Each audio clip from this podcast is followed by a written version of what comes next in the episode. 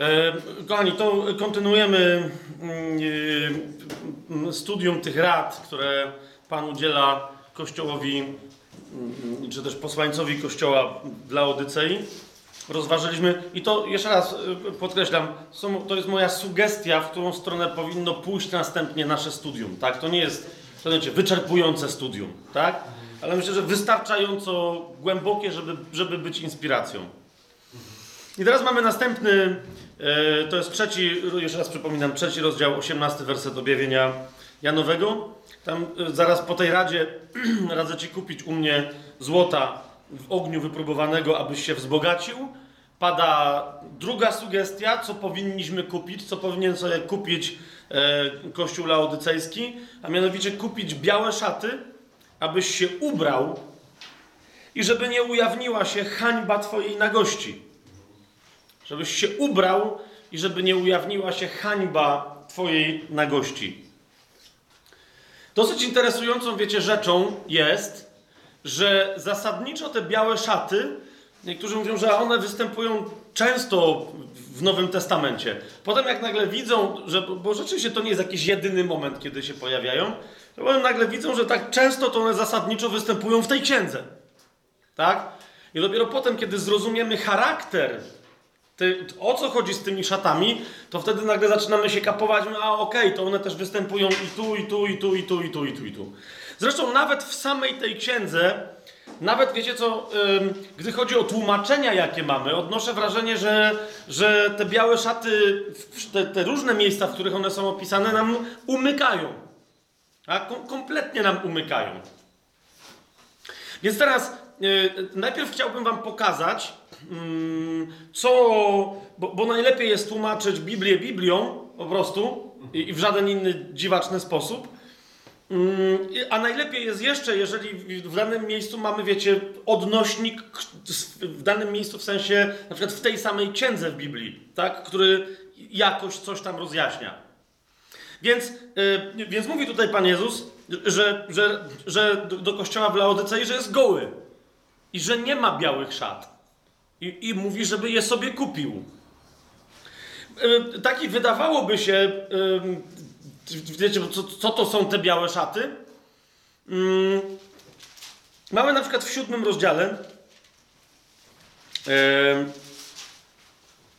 w czternastym wersecie, bo tam jest taki fragment, w trzynastym wersecie, tak? Jeden ze starszych odezwał się do mnie tymi słowami. Siódmy rozdział Księgi Objawienia, tak? Y, Janowego, trzynasty werset. Jeden ze starszych odezwał się do mnie tymi słowami. Kim są ci, którzy są ubrani w białe szaty i skąd przybyli? Bo tam jest jakaś ekipa, która, wiecie, najwyraźniej nie z Laodycei przyszła w białych szatach, tak? I odpowiedziałem mu, panie, ty wiesz. Wówczas on powiedział do mnie, to są ci, którzy przyszli z wielkiego ucisku, nie uważajcie, i wyprali swoje szaty i wybielili je we krwi baranka. Ok? Nieważne jakie tam mieli na sobie szaty, hmm? jeszcze do tego za chwilę się odniesiemy. Nieważne jakie, czy mieli białe i się ubrudziły, czy mieli jakieś inne, ale zasadniczo jakby były innego koloru, to by się, wiecie, y, od wybielacza, no może by się wybielił, no nie, nie znam się na tych operacjach, tak? W każdym razie szaty są białe dzięki krwi baranka. Tak? Szaty są białe dzięki krwi baranka. I teraz ja już dzisiaj się do tego fragmentu, do tego wersetu odwoływałem, ale tak sobie teraz myślę, że warto byłoby jednak e, no po prostu do, konkretnie go zacytować. Zobaczcie sobie drugi list do Koryntian, piąty rozdział, e, werset 21. A nawet 20 i 21. A nawet 19 do 21. No to jest bardzo ważne. Bóg bowiem był w Chrystusie, jednając świat z samym sobą, nie poczytując ludziom ich grzechów, i nam następnie powierzył to słowo pojednania. A więc to jest dzieło Boże w Chrystusie na krzyżu. Tak więc, dalej mówi Paweł, w miejsce Chrystusa sprawujemy poselstwo, tak jakby Bóg upominał was przez nas. W miejsce Chrystusa prosimy, pojednajcie się z Bogiem. On bowiem, a więc Bóg, i to jest ten kluczowy werset, on bowiem tego, który nie znał grzechu, za nas grzechem uczynił, abyśmy w nim stali się sprawiedliwością Bożą. On tego, który nie znał grzechu, za nas grzechem uczynił, abyśmy w nim stali się sprawiedliwością Bożą. Rozumiesz? W duchu, ponieważ ta operacja dokonuje się w duchu, przyjmując zbawienie od Pana, przyjmując nowego ducha, w nim możliwość przyjęcia Ducha Świętego, a więc przyjmując Ducha Świętego, otrzymując nowe serce, w duchu staje się sprawiedliwością Bożą w Chrystusie. Mhm. Teraz będziemy jeszcze bardziej, teraz uzasadnię, czemu twierdzę, że to jest szata Chrystusowa. I jednocześnie nie jest. Znaczy, jest, ale niewłaściwie jeszcze założona. To jest szata Chrystusowa, tak? Dana nam, ale niekoniecznie założona. Hmm? To jest szata, którą otrzymujemy. Szata sprawiedliwości. Krew baranka, co czyni? Czy wyzwala nas, prowadzi nas do nowego narodzenia, sprawia, że, że kiedy niknie nasz grzech przed obliczem Bożym, także jak on mówi i w Starym Testamencie zapowiada, i w Hebrajczykach potwierdza, grzechów waszych nigdy więcej nie wspomnę. Tak? Stajemy się sprawiedliwością Bożą w Chrystusie. To jest to. Wyprali swoje szaty. Wracamy do siódmego rozdziału 14 wersetu. Wyprali swoje szaty i wybielili je we krwi baranka. Wyprali swoje szaty i wybielili je we krwi baranka. To, to rozumiesz, to, to po prostu, tak? Oni mieli jakieś szaty, to są, tu mówimy o świętych, tych tak zwanych trybulacyjnych, czyli którzy przychodzą z wielkiego ucisku. I jednak, wiecie, wielki ucisk oznacza, że rządzi bestia na świecie, tak? Że jest dawany znak ludziom, znak bestii. To są ci, którzy go nie przyjęli, więc byli zabici dla, ym, dla imienia Jezusa, tak? Ale teraz zwracam Wam też uwagę na jedną rzecz. Wróćmy do trzeciego rozdziału, do, do, do listów do, do, do kościołów, mówiąc potocznie. Ten kościół w Sardes, o którym już tam wcześniej yy, yy, wspominałem, mówi do tego kościoła Pan, zobacz trzeci rozdział, czwarty werset, mówi do tego kościoła Pan, ale masz kilka osób w Sardes, które nie splamiły swoich szat. Będą chodzić ze mną w białych szatach, bo są godni. Ups. Widzicie, tu niektórzy mają problem z tymi szatami, bo zaraz, jeżeli ja otrzymuję sprawiedliwość Bożą w Chrystusie, wiecie o co chodzi? To jak ja to mogę, jak ja to mogę splamić? W sensie, co ja mogę zrobić sprawiedliwości Bożej? Wiecie, żeby, co jest grane? A jednak Słowo Boże mówi dokładnie o tych samych szatach. Zobaczcie, dlaczego mówię, że to są te same szaty, bo popatrzcie pełny kontekst. Masz kilka osób w Sardes, które nie splamiły swoich szat, będą chodzić ze mną w białych szatach, bo są godni. Kto zwycięży, będzie ubrany w białe szaty i nie wymarzę jego imienia z księgi życia, ale wyznam jego imię przed moim ojcem i przed jego aniołami. Kto ma uszy, niech słucha, co duch mówi do kościołów. Niektórzy dosyć zadziwiająco wyjmują ten fragment i znowu do tej starej historii, wiecie, walki, czy, czy zbawienie jest pewne, czy niepewne i mówią, a widzisz, czyli można, czyli można e, dostać szatę i można ją splamić i wtedy można jej nie mieć i, i, i można nie zwyciężyć w ramach swojego chrześcijańskiego życia, a wtedy Jezus wymarze twoje imię z Księgi Życia. E, jest takie polskie powiedzenie, kto daje i odbiera, ten się w piekle poniewiera. E, także Jezus byłby tutaj trochę, trochę dziwny. Teraz nie będziemy tego rozważać tutaj. W, w, tym zdaniu chodzi o to, że ten, kto, kto, kto jest zwycięzcą, jest ubrany w białe szaty i jego imię nie może być wymazane z Księgi Życia. Tak? Po prostu to jest, nie, nie będziemy teraz tego, to jest bardzo, bardzo naprawdę jasne znaczenie tego, tego sformułowania. Tak? Eee, inna rzecz, że zauważcie, tych parę osób w Sardes, które nie splamiły swoich szat, mają czyste białe szaty. Zauważcie, inni też mają białe szaty, tylko brudne. Rozumiecie o co chodzi? Tak? tylko brudne. I to jest nasze pytanie, co jest wobec tego grane. Bo zauważcie, jeżeli mają brudne, to już znamy system, że należy, jak, jak są te szaty, jakie tam by nie były, co? Wyprać we krwi baranka i ona je wybiegli, tak? No więc dlatego jeszcze raz, widzicie, to jest pytanie, czy tam rzeczywiście w tej, że uprali swoje szaty we krwi baranka, czy, to jest pytanie, czy tu chodzi o doświadczenie zbawienia, w ramach którego, wiecie, te szaty ma się na sobie, czy też chodzi o doświadczenie innego rodzaju pokuty, kolejnego nawrócenia, życia, które byśmy nazwali życiem uświęcenia, tak? Które jest życiem dbałości o swoje szaty. I nawet jeżeli nam się zdarzy je zabrudzić, to je możemy wciąż przeprać we krwi baranka. O co tu chodzi? Tak? Inna rzecz, zauważcie, zadam pytanie, e, dlaczego są ludzie, którzy mają białe szaty i po prostu ich nie splamili i zauważcie, nie muszą ich prać? Wiecie o co mi idzie?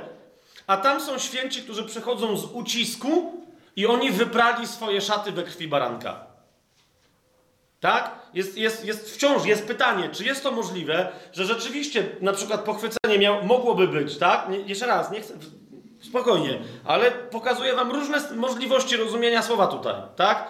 Że pochwycenie jest możliwe przedtrybulacyjne, przed uciskiem, tak?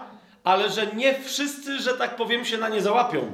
W kościele Ci, którzy będą mieli, być może, jeszcze raz, to przyjdzie czas na tajemnym planie, będziemy bardzo drobiazgowo rozbijać te kwestie, wiecie, do atomów i sobie ustalać, co, co, o czym w różnych miejscach, żeby całe pismo zobaczyć, co jest. Ale teraz tylko do, do Twojego studium i do, do, do, do mojego, do naszego studium podrzucam taki temat, że być może jest tak, tak, że część kościoła zostanie ze względu na, ta, na to, że no właśnie nie zostaną znalezieni godnymi to właśnie, tu jest wyraźnie powiedziane, nie splamili swoich szat, będą chodzić ze mną w białych szatach, bo są godni. I teraz Pan zostawia, być może, tak, niektórych na przykład na ziemi, nie pochwytuje ich, po co? Żeby jeszcze mieli szansę na ziemi, w ramach Jego cierpliwości, o dziękuję bardzo, żeby jeszcze mieli szansę na ziemi przeprać swoje szaty we krwi baranka. Dlaczego o tym? Bo niektórzy mówią, to jest niemożliwe. No ale rozumiesz, Pan do Laodycei mówi, do, La, do kościoła w Laodycei, zgadza się? Ale jest też ludzi, którzy na pewno mieli białe szaty. No amen? No skąd by byli inaczej kościołem? On im mówi, w ogóle wy, wy nie macie pobrudzonych szat, wyście gdzieś zgubili. Hmm? Co, coś nie gra, po prostu łazicie nago. I Jezus mówi, kupcie sobie jeszcze raz ode mnie te szaty. Więc jeszcze raz, zadaję pytanie, czy rzeczywiście te szaty są symbolem zbawienia, czy jednak czegoś innego? No, tam, no ale przeprali te, te szaty we krwi baranka. To, to nie jest ta biel. Hmm. Zobaczcie, sięgnijmy w tej samej księdze do jeszcze jednego miejsca. Hmm? To będzie yy, 19, 19 chyba. Tak, 19 rozdział Księgi Objawienia.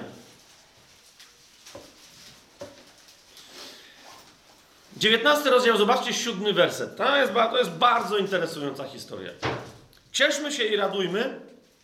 Mniejsza o to, kto to mówi, no po prostu, tak? Cieszmy się i radujmy i oddajmy mu chwałę, bo nadeszło wesele baranka, a jego małżonka się przygotowała. Któż jest małżonką baranka? Kościół, eklezja, tak? I zobaczcie, co jest tu napisane. Teraz nie, nie wiem, jakie macie tłumaczenie, ale zaraz będziemy musieli dotłumaczyć. Ale dobra, czytam z UBG. I tejże małżonce, czyli kościołowi, dano jej ubrać się w bisior czysty i lśniący, bo bisior, o, zauważcie, co tu jest napisane, to sprawiedliwość świętych. Mhm. Ale jak czasem do tego się odwołuje, ktoś mówi, że ale bisior to nie, to nie są białe szaty, tak? Poza tym to nie ma powiedziane, że to są białe szaty, tylko że to jest bisior czysty i lśniący. Rzeczywiście tak jest po grecku. Ale jak sprawdziłem, co tam się dzieje po grecku, wiecie, ja się nie znam nawet po polsku za bardzo na tych systemach różnych tam, wiecie, co jest czym. E, nie mówię, że to musiałbym być kobietą, tylko, ale kobieta by tam szybciej. Ja całe życie, wiecie, w ogóle nie, w ogóle nie wiedziałem, co to jest bisior. Ze względu na to, że on się pojawia między innymi w Starym Ja myślałem, że to jest w ogóle czerwone. Tak? To jest białe. Ale się dowiedziałem, że to jest jakaś tkanina, którą się wyrabia z jakichś substancji z pereł. Nie wiem o co tam chodzi, ale to jest z pereł. A teraz uważajcie, to, co tu jest opisane, wobec tego to nie jest bisior. Wiecie dlaczego? Ponieważ tutaj po grecku jest wyraźnie powiedziane, że dano jej się ubrać w tkaninę lnianą, czystą i lśniącą. To jest len, a nie bisior w takim razie i jest to błąd w tłumaczeniu. Ja, wiecie, to białe, to perły chyba też są białe, ale wszystkie panie, które się tutaj znajdują, wiedzą, że perłowy to nie jest lniany. Tak? I jeżeli bisior jest z jakiejś substancji z pereł, to na pewno to nie jest len. Tu mówimy o najekskluzywniejszym lnie. A więc dano jej ubrać się w tkaninę lnianą. Nie wiem, jak to się jakoś nazywa? W len. No, no ale len to no, w tkaninę lnianą, czystą i lśniącą, bo tkanina lśniana, lniana to sprawiedliwość świętych. Teraz skąd my to wiemy? Skąd my to wiemy, że Kościół jest ubrany, więc ten len, że skoro jest czysty i lśniący, skąd wiemy, że jest biały? Bo mamy jeszcze jeden za chwilę opis. Zobaczcie, czternasty werset. A wojska w niebie podążały za nim, to jest za Chrystusem, na białych koniach, ubria, ubrane, i tu jest znowu bisior, ale to jest ta sama lniana tkanina, ubrane w lnianą tkaninę, białą i czystą.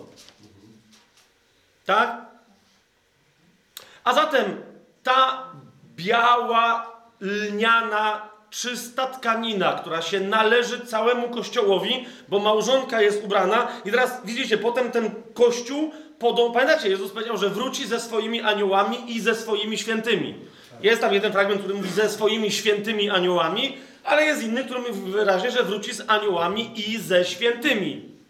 Więc Cały Kościół, czyli wszyscy święci, każdy święty i każda święta powracający ze swoim królem z nieba na ziemię, są ubrani w białą lnianą tkaninę, czystą i lśniącą. Tak?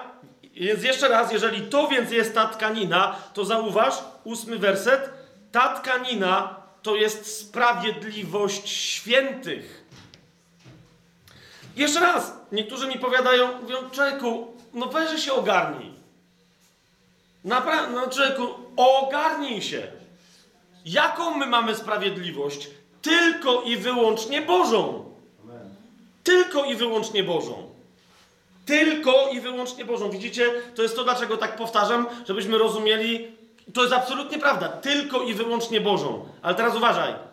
Ta, tylko i wyłącznie Boża sprawiedliwość dana nam, która okrywa naszego ducha, który jest miejscem zamieszkiwania w nas Ducha Świętego, uważaj, naszym obowiązkiem jest rozciągnąć ją na zewnątrz, tak żeby zaczęła okrywać duszę i ciało.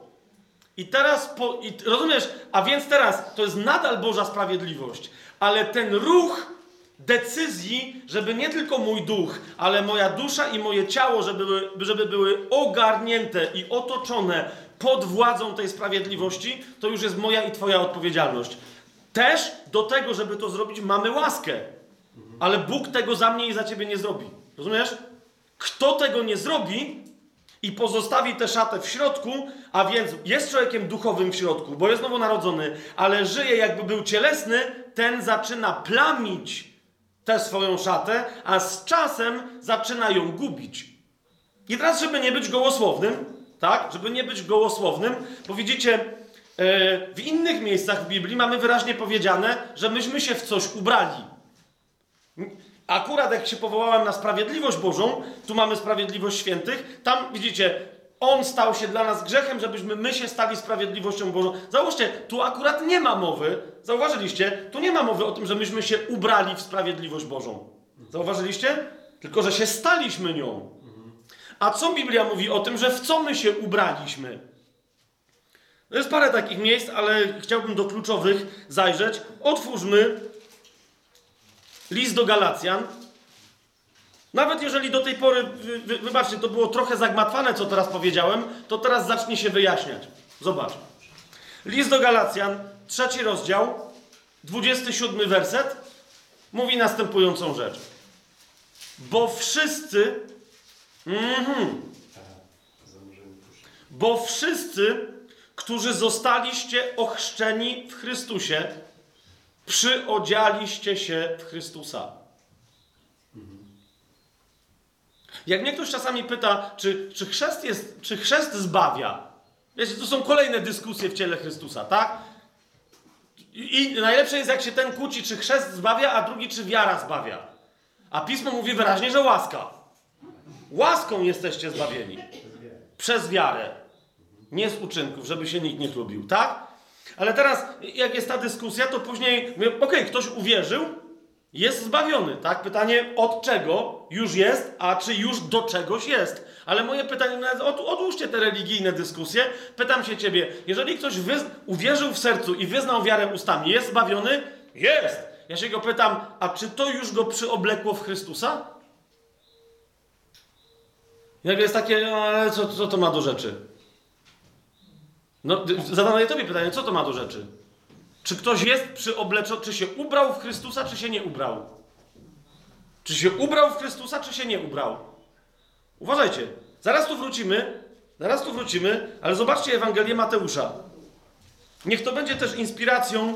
Yy, zobaczcie, jak naprawdę Pan Jezus, On na, naprawdę, my mamy, i, Słowo Boże to do nas mówi, wy macie, macie, tajem, macie, macie poznanie tajemnic Królestwa. Naprawdę nie dawajmy sobie wmawiać, że, że że my dalej nic nie rozumiemy, tak samo jak i uczniowie nic nie rozumieli z przypowieści na przykład. Tylko zauważ, jak śledzisz Słowo Boże, to teraz jeszcze raz. Pamiętaj, wyznanie wiary zbawia człowieka, tak? Pytanie brzmi, czy go przeobleka w Chrystusa? No tam jest powiedziane, kto jest ochrzczony, jest przeobleczony.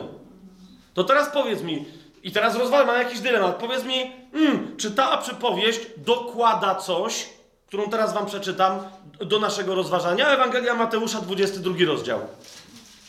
Od pierwszego wersetu, bo tam go jest powiedziane, że chcieli go schwytać, bali się tłumów i tak dalej. Kłócili się z Jezusem zasadniczo faryzeusze, tak? A Jezus odpowiadając, znowu mówił do nich w przypowieściach tymi słowami. Królestwo niebieskie podobne jest do króla, który wyprawił wesele swojemu synowi. Pamiętacie dopiero co byliśmy na weselu, weselu baranka z kościołem, tak? Jest ojciec, który wyprawia wesele swojemu synowi. I posłał swoje sługi, aby wezwali zaproszonych na wesele, ale oni nie chcieli przyjść. Ponownie posłał inne sługi, mówiąc: Powiedzcie zaproszonym, oto przygotowałem moją ucztę, zabito moje woły i tuczne zwierzęta, i wszystko jest gotowe, chodźcie na wesele. Ale oni zlekceważyli to i odeszli, jeden na swoje pole, a inny do swojego kupiectwa. A jeszcze inni schwytali jego sługi, znieważyli ich i zabili. Do kim tu jest mowa? Jak Jezus powiedział, synowie królestwa nie wejdą do królestwa, ale przyjdą z północy, z południa, ze wschodu i z zachodu i zasiądą z Abrahamem, Izaakiem i Jakubem przy jednym stole i będą wieczerzać. I ze mną. Tak? W innym miejscu Jezus do Izraela mówi: Kto zabijał proroków? Nie wasi ojcowie? I mnie też tak zabijecie. Więc, kiedy król to usłyszał, dalej czytamy siódmy werset, rozgniewał się, posławszy swoje wojska, wojska wytracił tych morderców i spalił ich miasto. Jak skończyła Jerozolima? Hmm? Którą tu mam akurat niechcący za plecami. Jak skończyła Jerozolima? Potem powiedział swoim sługom, i patrz, tu się zaczyna już mowa o nas, o poganach, tajemnica kościoła. Potem powiedział swoim sługom: Wesele wprawdzie jest gotowe, ale zaproszeni nie byli godni. Pamiętacie? Chodzenie w białych szatach albo w splamionych i bycie niegodnym, ale zaproszeni nie byli godni. Idźcie więc na rozstaje dróg i zaproście na wesele wszystkich, których spotkacie. Oto jest otwarcie Bożego Serca. Nie tylko wybrany naród, ale wszyscy. Wtedy słudzy ci wyszli na drogi i zgromadzili wszystkich, których spotkali, złych i dobrych. Wszystkich ludzi, którzy jedzą z drzewa poznania dobra i zła. Bo to zaproszenie jest zaproszeniem do życia, do tego, żeby przestać wreszcie jeść z drzewa poznania dobra i zła, z drzewa religii, z drzewa prawa, zakazów i nakazów ale żeby zaczęli jeść wreszcie z drzewa życia. A więc słudzy ci wyszli na drogi, zgromadzili wszystkich, których spotkali, złych i dobrych, i sala weselna napełniła się gośćmi. A kiedy król wszedł, aby zobaczyć gości, ujrzał tam człowieka, który nie był ubrany w strój weselny. I zapytał go, przyjacielu, jak tu wszedłeś, nie mając stroju weselnego? A on za nie mówił. Do, dosłownie po grecku tu jest napisane, że go zakneblowało. Wtedy król powiedział sługom z prawdziwym smutkiem: Zwiążcie mu nogi i ręce, weźcie go i wyrzućcie do ciemności zewnętrznych. Tam będzie płacz i zgrzytanie zębów. Zauważcie, że oni go nie wyrzucają do ognia. Nie wyrzucają go w dół, do jeziora ognia, nie wyrzucają go do gehenny. Nie ma mowy o potępieniu wiecznym, ale trafia do ciemności zewnętrznych. Nie zostaje na godach baranka. Nie zostaje na weselu. Hmm? Czy jak ktoś tylko uwierzy, przy pomocy prostej modlitwy grzesznika odda swoje życie Jezusowi, a potem. Nie chodzi mi o to teraz, że ja teraz gloryfikuję chrzest. Tak? Tylko czy to wystarczy? Nawet jak później się ochrzci, ale bazuje tylko i wyłącznie na tym, że potem wiesz, co niedziela w zborze codziennie studiuje pismo i tak. Czy to wystarczy? Hmm? Czy to wystarczy? Czy to wystarczy, żeby odziedziczyć królestwo, żeby zasiąść przy stole z królem, żeby być na, na jego godach jako oblubienica? Czy to wystarczy? Mamy się uświęcać. Zaraz, zaraz. Czy to wystarczy? I teraz zauważcie, coś, co wielu, wielu, wielu w nauczaniu yy, pomija. Czternasty werset. Wielu jest bowiem wezwanych albo powołanych, tak? Yy, ale mało wybranych. Znowu, kogo Bóg powołuje, tego też wybiera w innym, w innym miejscu, mówi pismo. Tak? Tu nie chodzi o to, że Bóg niektórych może powołać, ale nie chce ich potem jeszcze dobrać z tego powołania. Nie, nie, nie. Widzisz, sęk w tym, że będąc powołanymi, to my decydujemy, jak bardzo i do czego staniemy się wybrani. Czy jest to jasne, co mówię? Bo Bóg powołując chce, żeby wszyscy powołani byli wybrani. Do pełni. Ale pytanie brzmi, co... Hmm? Patrzcie, co jest grane. Przychodzi gość na wesele, a więc miał prawo. Ale Jezus mówi, okej, okay, jakoś tu wszedłeś. No to fajnie, zobacz jak jest fajnie. No i nara. Po prostu. Ponieważ od początku uczyniłem to jasnym, że na weselu nie tylko mają być ci, którzy się zaręczyli, ale którzy na to wesele właściwie się ubrali. Hmm? Więc teraz wróćmy do, do listu do Galacjan jeszcze raz, żebyście zrozumieli, że mówimy o bardzo, bardzo poważnych rzeczach. Tak? Naprawdę decydujących o naszej przyszłości. Jako ludzi zbawionych. Jako ludzi powołanych, którzy chcemy być także wybrani. Galacjan, trzeci rozdział, 27 werset. Bo wszyscy, którzy zostaliście ochrzczeni w Chrystusie, przyodzialiście się w Chrystusa. Widzisz, to jest nasze ubranie. Nie ma Żyda ani Greka, nie ma niewolnika ani wolnego, nie ma mężczyzny ani kobiety, wszyscy bowiem jedno jesteście w Chrystusie. Hmm? Ale najważniejsze jest to, przyodzialiście się w Chrystusa. Przyodzialiście się w Chrystusa. Twórzmy sobie y, list do y, y, Kolosan.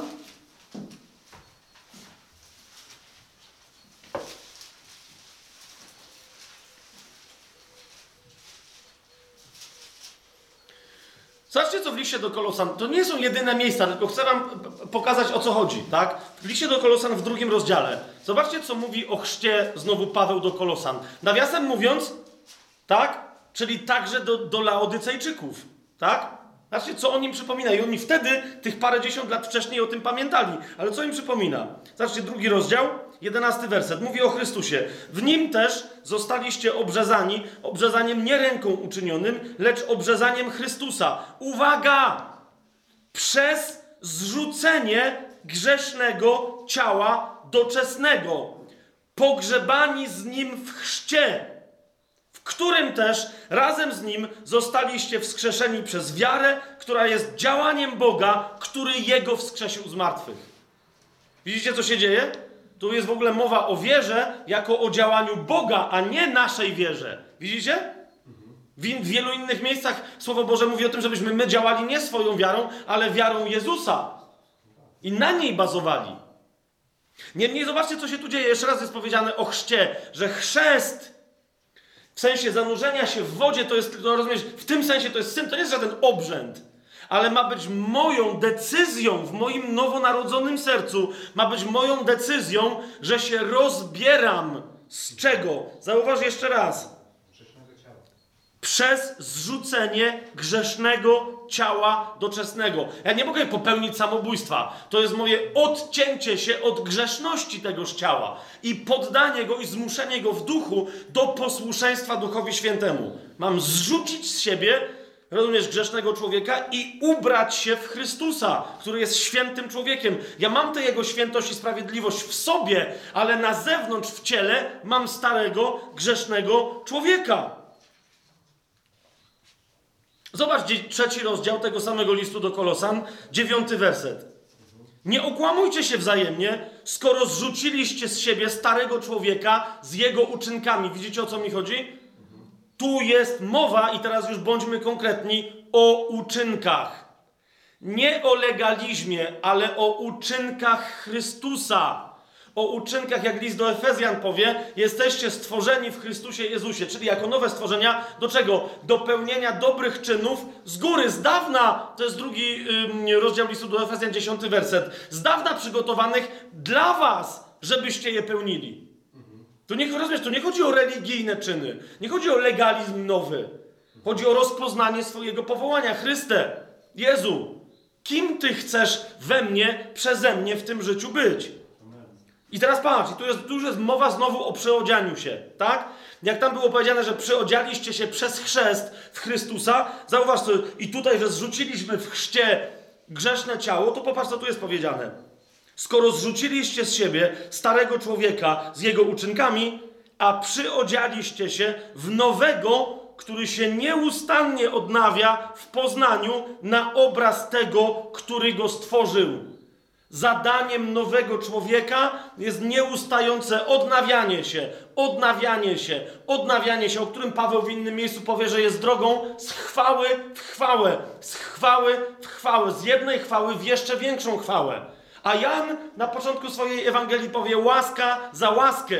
Nie łaska za łaską, ale łaska za łaskę. Jeden stan wynikający z łaski w kolejny stan, jeszcze wspanialszy, kolejnej łaski, kolejnego zadziałania Ducha Świętego. Rozumiesz? To jest dalej, to jest praca Ducha Świętego. Ja ci nie mówię o Twojej robocie, ale mówię Ci o Twojej i o mojej robocie z Duchem Świętym. Tak? Ponieważ Duch Święty, rozumiesz? Duch Święty naprawdę, on, on, on nie popchnie, jak, jak będzie trzeba. On mnie pociągnie. Tylko rozumiesz, jak ja nie będę chciał podnieść nogi, żeby zrobić krok, to on mnie pociągnie i wycedzę na, na, na ryło, no. no. O taką współpracę chodzi. Ja naprawdę nie muszę ruszać nogami. On mnie popchnie. Tylko muszę chcieć się zaasekurować, żebym się nie zabił w ramach tego procesu. I teraz jeszcze raz popatrz, jest, znowu jest mowa o tym, że przyodzialiście się w nowego człowieka. I patrz, jedenasty werset. Znowu, gdzie nie ma Greka ani Żyda, obrzezanego czy nieobrzezanego, cudzoziemca ani Słowianina, niewolnika ani wolnego, ale wszystkim i we wszystkich jest Chrystus. Oczywiście tu jest scyta, tak? Tu jest scyta. Ale nie będę teraz tego rozważać wydaje mi się, że jest rzeczą dość oczywistą historycznie rzecz ujmując, jak się poczyta historyków takich jak Józef Flawiusz i tak dalej, że, że jak jest w Biblii mowa o Scytach, to chodzi o Słowian. Co jest dla nas i dobrą, i niedobrą informacją, ale niech będzie. Polska jest w Biblii. O, jest, jest. E, ale razem z Rosją, właśnie. A jeżeli Rosję identyfikujemy jako Goga z Magoga, to nie wiem, czy to takie dobre dla nas, że jesteśmy. No. Więc zobaczcie, więc, bo raz niektórzy mówią, no, czyli nie skończmy na takim mistycyzmie, że a, czyli ubrałem się w Chrystusa, mm, czyli, rozumiesz, bo mówi, że przyodzianie się w nowego człowieka, przyodzianie się w Chrystusa, przyodzianie się w nowe stworzenie, co oznacza? Zobacz, dwunasty werset. Tak więc, jako wybrani Boga, widzicie o co chodzi? Ktoś, kto jest powołany, jak udowadnia, że jest wybrany? ubra, ubiera się w białą szatę. Co to popatrz? Tak więc, jako wybrani Boga, święci i umiłowani, przyodziejcie się, ubierzcie się. To jest biała szata. Przyodziejcie się w serdeczne miłosierdzie, dobroć, pokorę, łagodność, cierpliwość, znosząc jedni drugich i przebaczając sobie nawzajem. Jeżeli ktoś ma skargę przeciw drugiemu, jak i Chrystus przebaczył wam, tak i, tak i wy. I jeszcze raz mówi, jakby ktoś nie zrozumiał, a nade wszystko przyodziejcie się w miłość, która jest więzią doskonałości. To jest biała szata. Czy, ja wiem, że zrobiłem woltę taką, rozumiecie, ale czy wy to widzicie? Chodzi o to, że ja nie mogę, ja nie mogę sam z siebie być dobry, to jest owoc ducha. Tak? To jest owoc ducha. Ale z drugiej strony, jak, jak, jak Duch Święty mnie prowadzi do tego owocu, a ja się zapieram, wiecie, żeby nie być pokornym, nie być łagodnym i tak dalej, to czyja to jest wina? Ducha Świętego? To, to, to jest moja wina. Bo to ja go zasmucam wtedy. Rozumiecie? Po prostu. I żeby nie było, że tylko sięgam do, do teologii yy, Pawła, tak? To sięgnijmy do, do Piotra. Na przykład, bo to bo można iść do innych, ale niech nie będzie, że do Piotra, tak? Mm. Pierwszy rozdział. Yy, pierwszy list Piotra, ale, ale piąty rozdział. Piąty rozdział, piąty werset. I, I, tam, widzicie, bo niektórzy mówią, że no, miłość, coś, nadal my mamy tak wyświech... Rozumiecie, według mnie, według mnie Piotr daje nam naprawdę bardzo bezpieczną, w sensie takiego, wiecie, taką klarowną definicję, żebyśmy my nawet sprawdzili, czy nasza miłość to jest miłość, tak? Czy, czy, czy nasza łagodność to jest łagodność i tak dalej. Wiecie, co jest miernikiem czystości, bieli, sprawiedliwości baranka Bożego w naszych uczynkach? Co, co jest miernikiem, że mamy białą szatę? Pokora.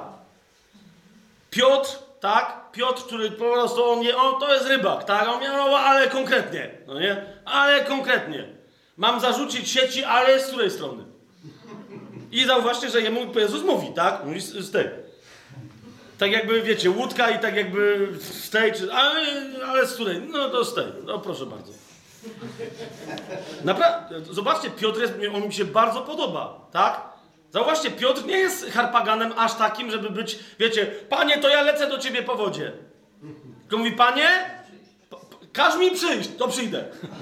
Zauważyliście? No, on wie, ty, ty, mi powiedz, nie? Czyli y, mogę? Proszę bardzo, chodź. Okej. Okay. I idzie po wodzie. I teraz zobacz, ten konkretny facet, absolutnie go uwielbiam. Piąty rozdział, piąty werset. Zobacz, co mówi. Piąty werset powiedziałbym C, tak? Bo to jest trzeci, trzecie zdanie w tym wersecie. Mówi, przyobleczcie się w pokorę.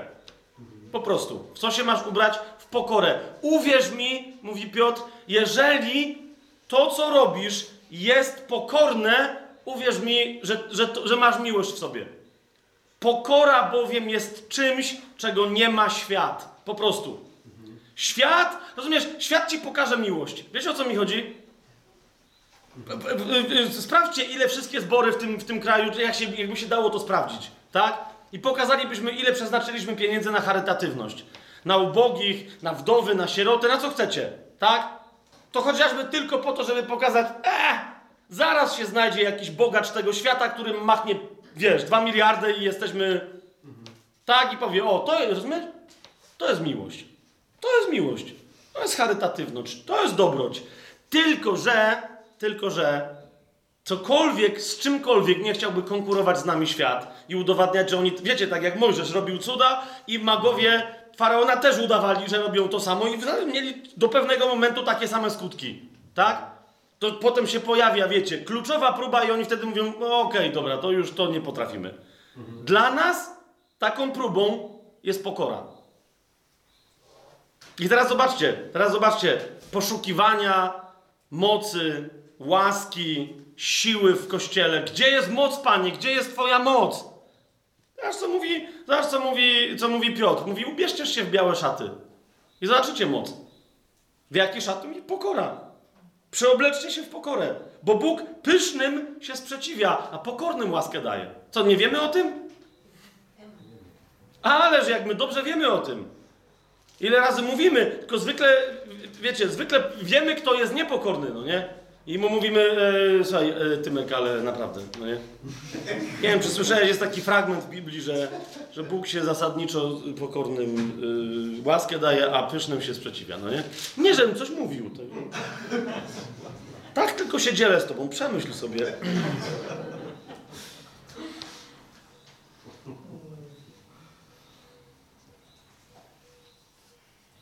Przemyśl. To właśnie, to jest to, to jest to. Rozumiecie, to jest Kościół. Często to jest Kościół, tak? Jak się mówi o pokorze, i ja się ile razy przyłapywałem, przez lata i w Kościele katolickim, ewangelicznie wierząc, to samo. Słyszę kazanie, mówię sobie, bardzo dobre. Ciekawe, czy Grzesiek tego słuchał. No, czy tam ktoś, czy Zosia, o, jej by się to przydało. I mówię, ty Macia, weź nam, wiesz, trzeba by do Zosi do... Chłopie, weź się palni w łeb, wysłuchaj ty tego nauczania, daj jej przykład i ona może pójdzie za tym, tak? A nie, wiesz, ona musi wysłuchać tego nauczania. Sam wysłuchaj. Sam wysłuchaj. Teraz tu jest dużo ludzi na tej sali. Mhm. I teraz coś powiem. Którzy już posługują na różne sposoby, różnymi darami w kościele, albo którzy już dawno powinni, a cały czas jeszcze nie posługują. Chcę wam coś pokazać, tylko jako pewien przykład. Tylko jako pewien przykład. W liście do, do Filipian. Tak, tak, w liście do Filipian.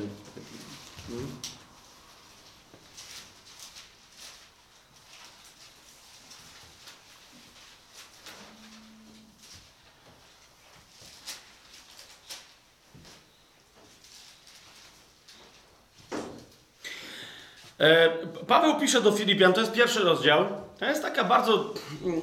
Dzisiaj to rozważałem rano na, na, na modlitwie swojej. Bo tu już Paweł jest, wiecie, już jest, już jest on tu już jest poważnie, poważnie zaawansowany. Nawet na końcu tu w UBG ma, to są takie sympatyczne, nie wszystkie są e, e, rzeczywiście zgodne z, z prawdą, ale tu akurat jest na, na, końcu każdego listu Pawłowego macie taki dopisek i tu na przykład jest, że list do Filipian został napisany z Rzymu. Yy, w sensie ręką Epafrodyta, tak? A to Paweł dyktował, ale rzeczywiście Paweł tu jest yy, w Rzymie. Pisze do, do Filipian, pozdrawia ich. Yy, mówi, że jest więźniem, że cierpi. Zobaczcie pierwszy rozdział, 13 werset. Tak, że moje więzy z powodu Chrystusa stały się znane w całym pałacu i u wszystkich innych. Tak? Paweł, I Paweł się cieszy. Dobrze, rozsławiamy Chrystusa. Co więcej, zobacz, w 14 wersecie mówi, a wielu braci w Panu nabrało otuchy z powodu moich więzów i z większą odwagą, bez lęku, zaczęli głosić Słowo. Więc on mówi, wiesz, jak oni mnie zobaczyli i widzą, że ja jestem, wiesz, mogę być zaraz skazany. No, kapujecie tych wszystkich cesarzy rzymskich, Neron i tak dalej, tak? Co tam się mogło dziać? A jednak Paweł głosi dalej, śmiało, to oni sobie powiedzieli, to my jeszcze nie w więzach, czego się mamy bać? Super. Ale patrzcie, bo to jest jeden z najdziwniejszych fragmentów w ogóle w Biblii, jak dla mnie. Tak? Zwłaszcza w Nowym Przymierzu. Że wielu braci nabrało otuchy z powodu moich więzów i z większą odwagą, bez lęku zaczęli głosić słowo. I nagle Paweł mówi, niektórzy wprawdzie z zazdrości i sporu, inni zaś z dobrej woli głoszą Chrystusa. Z to, o czym wcześniej wam, pamiętacie, mówiłem, że ludzie głoszą z różnych dziwnych powodów. Mamy taką tendencję w kościele, żeby się cieszyć, że w ogóle ktoś głosi. Właśnie fajnie, tak? Bo wiara rodzi się ze słuchania, a tym, co się słucha, jest przez Słowo Boże. Hmm? Więc, więc fajnie. Wciąż, rozumiesz, fakt, że ktoś głosi i to może przynieść owoce, znaczy, że Bóg się przyznaje do swojego słowa, a nie do tego gościa. A potem się może okazać, bo niektórzy, wiecie, nie zawisają na słowie, tylko zawisają na tym gościu. Potem się okazuje, że on jednak y, wiódł podwójne życie i potem pff, upadł i mówią, o, to Bóg nie istnieje. Nie, ten chłop nie istnieje. Co, co w ogóle za logika? Rozumiesz? Ludzie mogą z różnych powodów głosić. Ale tu jest w ogóle powód, wiecie, podany. Niektórzy wprawdzie z zazdrości i sporu, inni zaś z dobrej woli głoszą Chrystusa. Jedni ze sporu głoszą Chrystusa nieszczerze, uważajcie, sądząc, że dodadzą ucisku moim więzom. Jeszcze raz, rozumiecie? Czyli Paweł wie, że tam są goście, którzy głoszą tylko i wyłącznie po to, żeby potem pokazać na Pawła, że my głosimy to, co Paweł. No nie? Już macie tam gościa, to go ukażcie, bo to jest takie głoszenie. Kapujecie? Głoszą, żeby jemu dowalić, żeby jemu w więzach było gorzej, żeby go może nie zabili, a żeby więcej cierpiał. Z powodu jakiejś zazdrości. I teraz o co mi chodzi? Paweł to wie. Zobacz, mówi, dalej czytamy. Jedni sporu, ze sporu głoszą Chrystusa nieszczerze, sądząc, że dodadzą ucisku moim więzom. Inni zaś z miłości, wiedząc, że jestem przeznaczony do obrony Ewangelii. Krótko mówiąc, rozumiecie, oni tam wychodzili najprawdopodobniej i mówili, my głosimy tą samą Ewangelię, co Paweł.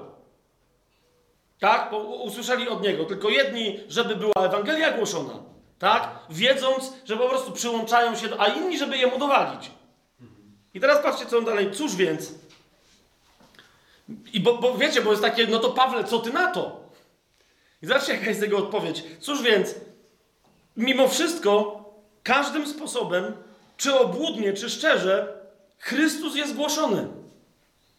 I z tego się raduje i mówi, będę się radował. No po prostu, jak, rozumiesz, jak to do mnie dotarło, rozumiesz, bo Paweł mówi o tym, że są ludzie, którzy żyją w takiej obłudzie i w takiej hipokryzji, że nawet zgłoszenia słowa zrobili nóż, który mu wbijają w plecy w nerki. Rozumiesz? A on, a on mówi, ale dlaczego się mam nimi zajmować? Przecież ja nie jestem do tego posłany, żeby ich sądzić. Tylko mówi, jeżeli mimo tej, jeżeli mówi, ja, jeżeli mnie mają kłuć, ale dzięki temu to, do czego ja jestem posłany, do głoszenia i do obrony Ewangelii, to jest wykonane, mówi, to ja się będę cieszyć. Mówi, nie mam ani, od, ani odrobiny zastanowienia nad nimi, rozumiesz, potępienia, absolutnie. Wiem bowiem, że to doprowadzi do mojego zbawienia dzięki waszej modlitwie i pomocy Ducha Jezusa Chrystusa, zgodnie z moim gorliwym oczekiwaniem i nadzieją, że w niczym nie będę zawstydzony, lecz z całą odwagą, jak zawsze, tak i teraz, zauważ, uwielbiony będzie Chrystus w moim ciele, czy to przez życie, czy przez śmierć. Rozumiesz? To mówi człowiek, który się przyoblekł w Chrystusa. To mówi człowiek, który jest pokorny. To, to jest to, co mówi Piotr. Mówi, obleczcie się w pokorę. I to jest gość, który jest obleczony w pokorę. Gdzie my to mamy dzisiaj w kościele? Teraz, kościele, ja rozumiem, naprawdę rozumiem, że żyjemy w czasach, w których trzeba dowartościować ludzi. Tak? Bo są poniżani, bo coś tam, bo... Ale zobaczcie, jak, ile, do, do, do, jakiego, do, do jakiej miary, jak długo to jeszcze ma trwać? Czy, czy myśmy się zamienili w nowy rodzaj spirytualnej, duchowej, de facto jednak psychoterapii, czyli, czyli środkiem leczenia duszy?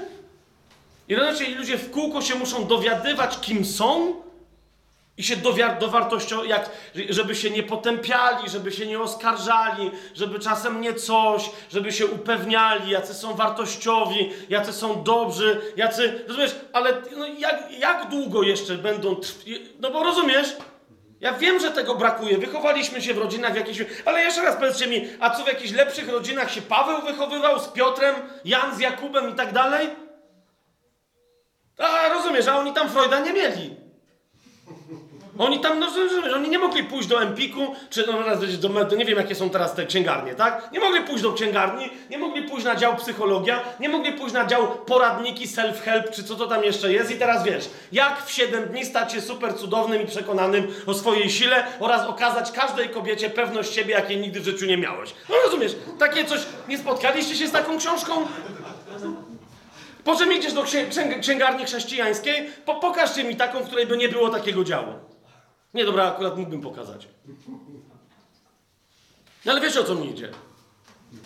No i, te, i rozumiecie, i teraz, i teraz o, o, co mi chodzi? Bo teraz ja nie wierzę, nie, y, mamy przyjść i pokazać, jak człowieka dowartościowuje Chrystus. Tylko rozumiesz, tak naprawdę realną miarą tego, że człowiek ma wartość, jest to, że jest gotów wreszcie rozumiesz, zrezygnować z jej okazywania, bo wie, że ją ma. Tak? Nie musi latać i mówić, ale ja jestem wspaniały, jestem nieśmiertelny, jestem kochany. Mm, mm, mm. Rozumiesz? I, i takie, na takie wrażenie, jeżeli ktoś nawet jako dziecko próbował sobie coś wmówić, to również jako stary będzie wiedział, że dopóki se próbuje coś mówić, to znaczy, że tego nie ma. Tak? Jest proste. Jest proste. John Eldridge mi się tu przypomina z tą jego sławną e, historią, jak jego syn wrócił e, do domu ze szkoły. E, pastor, tak? Pastor John Eldridge. Ten od Dzikiego Serca i tam tych książek, które akurat w naszym kraju są głównie przez e, katolickie e, wydawnictwa tam promowane. No okej. Okay. I że przyszedł i, i widział, że syn jakiś taki jest markotny, tam się coś kryje, coś tam nie chce gadać. I on wreszcie go wziął na rozmowę i mówi, synu, a no dobra, powiedz ojcu, co się dzieje, nie? No i tam z niego wyciągnął, że jest tam jakiś chłopak, który się na niego uwziął. Tak? Taki, wiecie, klasyczny gnębiciel w szkole, nie? Większy, silniejszy, raz temu, raz tamtemu, no i po prostu akurat się dorwał do tego, tak? No i ten mówi, że no, no, no, no nie wie co ma, no boję się go. Tak? No i ja nie wiem, tu próbuję uciec, tam coś, ale no, no, no, dzisiaj mnie spotkał, zagroził mi, że jak jutro nie coś, to tam dostanę w łeb, tak? I Jonathan tak tego posłuchał i mówi, wiesz co? Mówi, posłuchaj, ufasz mi? On mówi, tak. Mówi, to słuchaj, jutro hmm, chcę, że, żebyś go znalazł. A on, wyraźnie powiedział ojcu, że jest mniejszy, że jest słabszy, tak? że się boi. Jutro chcę, żebyś go znalazł. I jak go zobaczysz, gdzie, gdzie by to nie było, nieważne kto się mówi, masz moje plecy, że tam będzie nauczycielka, czy ktoś, mówi, nic, nic, nic, nic nie szkodzi. Mówi, dopadnij go i go zmudź. Mówi, i do kiedy się da, no nie? Mówi, mówi wryj i potem mówi, rób co chcesz, skop go, mówi i tak dalej, mówi, po prostu go zniszcz.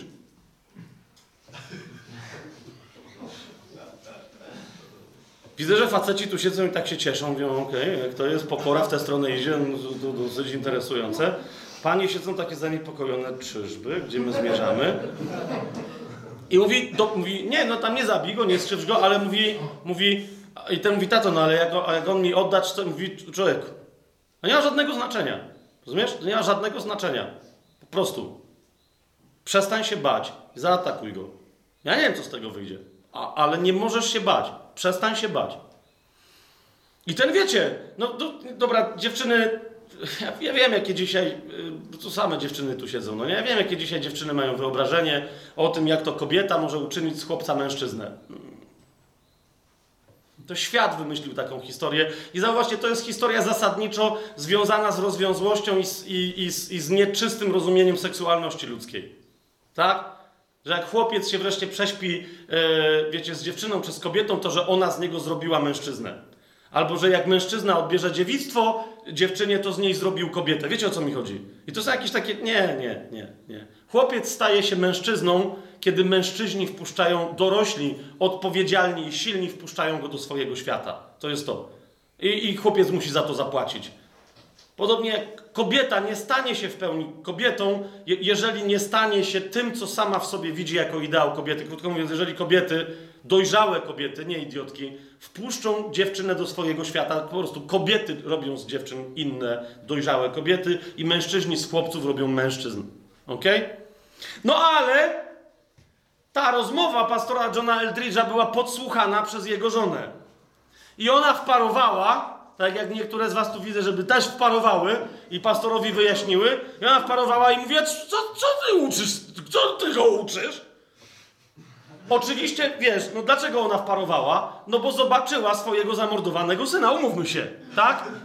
Tam jest większy chłopak i teraz ten go napadnie. Jak tamten mu odwinie, to mu łeb urwie. Umówmy się, tak?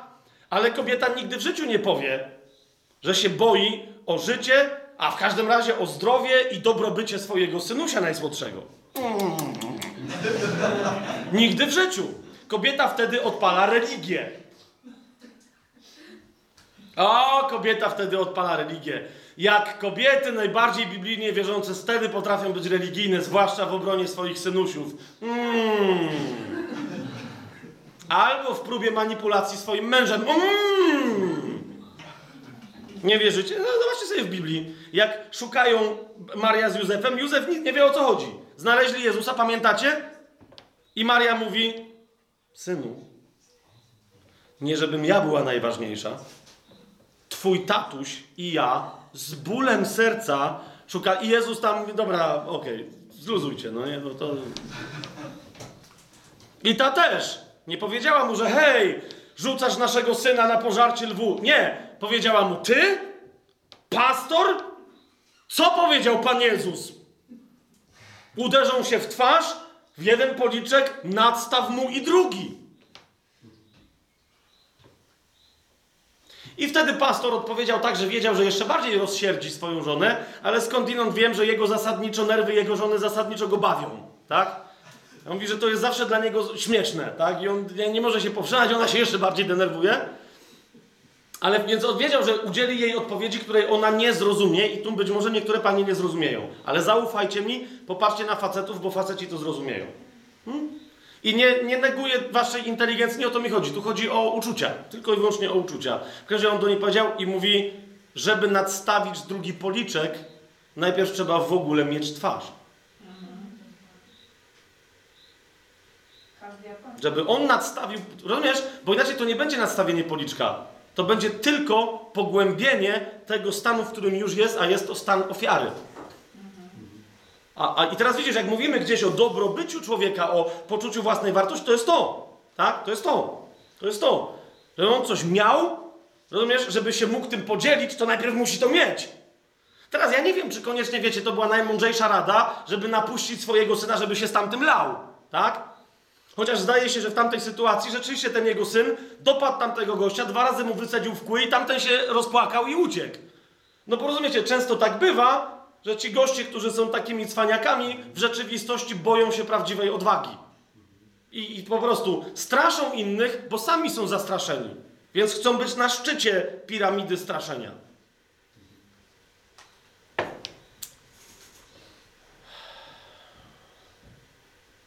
Więc pokora. Poczucie, poczucie własnej wartości. Po, po, widzicie? Ten, wtedy, wtedy ja nie, nie pamiętam dokładnie jak tak, ale, ale temu chłopakowi, który się pozbył lęku, wtedy dopiero mógł powiedzieć jego ojciec: Teraz, gdyby cię ktoś uderzył, okaż prawdziwą śmiałość i nadstaw drugi policzek. Rozumiecie o co mi chodzi? To jest, po, to jest pokora.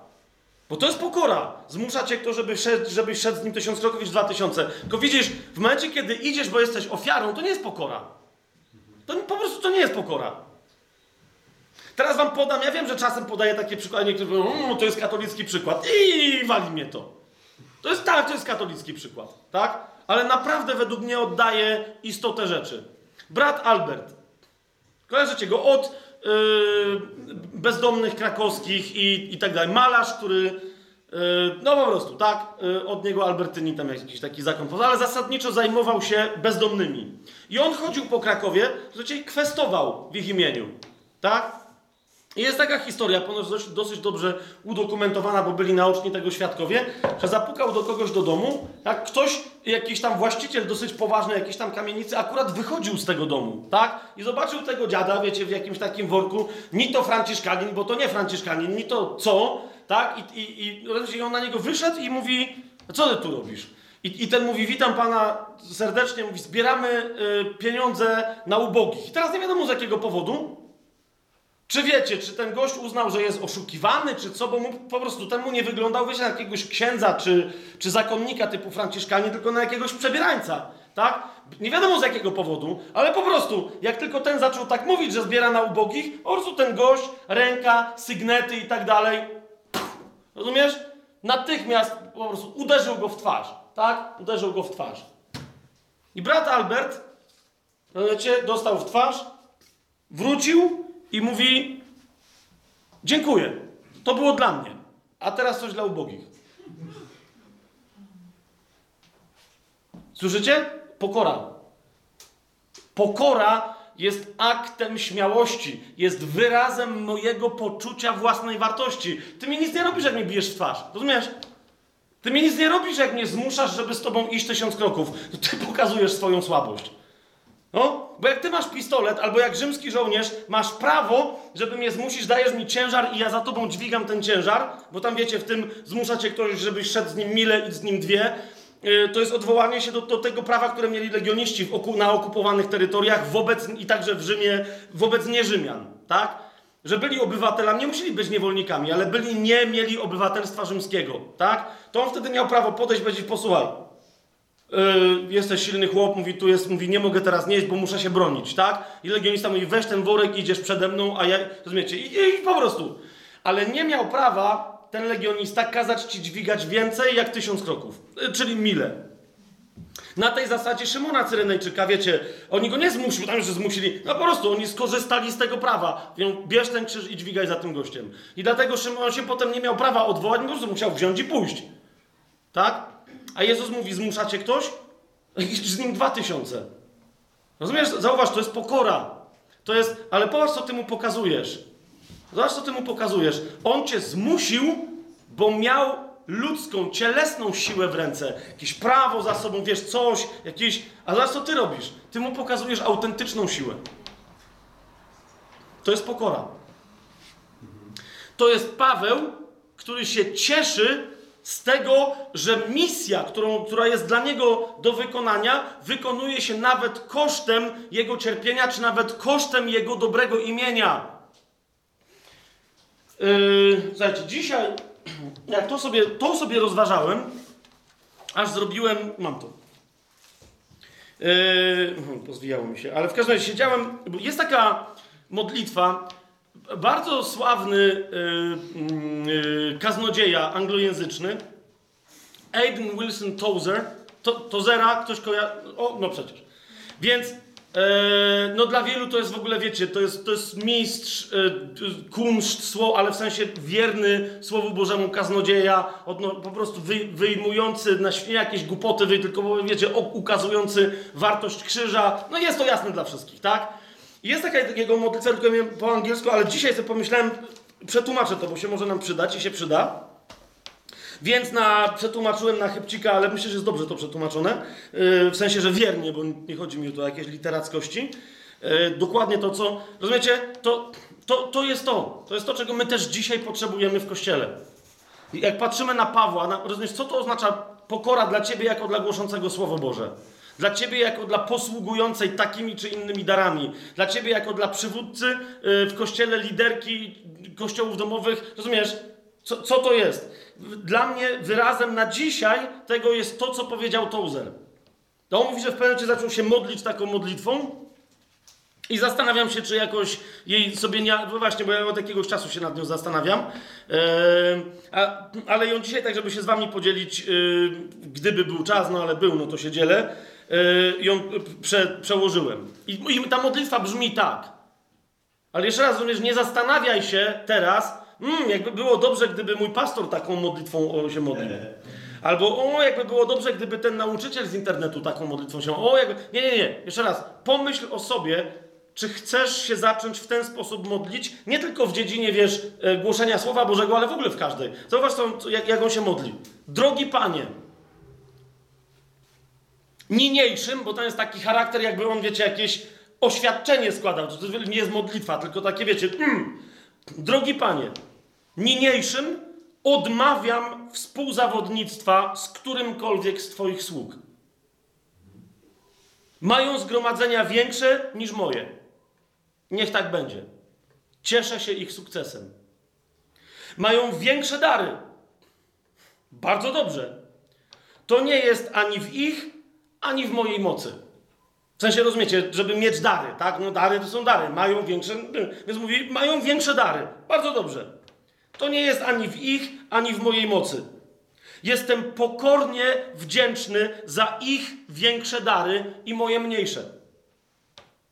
Modlę się tylko, bym mógł użyć tych moich skromnych darów dla Twojej większej chwały. Nie będę się z nikim porównywał, ani budował poczucia mojej własnej wartości na zauważaniu, w czym przewyższam kogokolwiek w Twojej świętej pracy. Kompletnie się wypieram całej wartości, która by śmiała pochodzić ze mnie.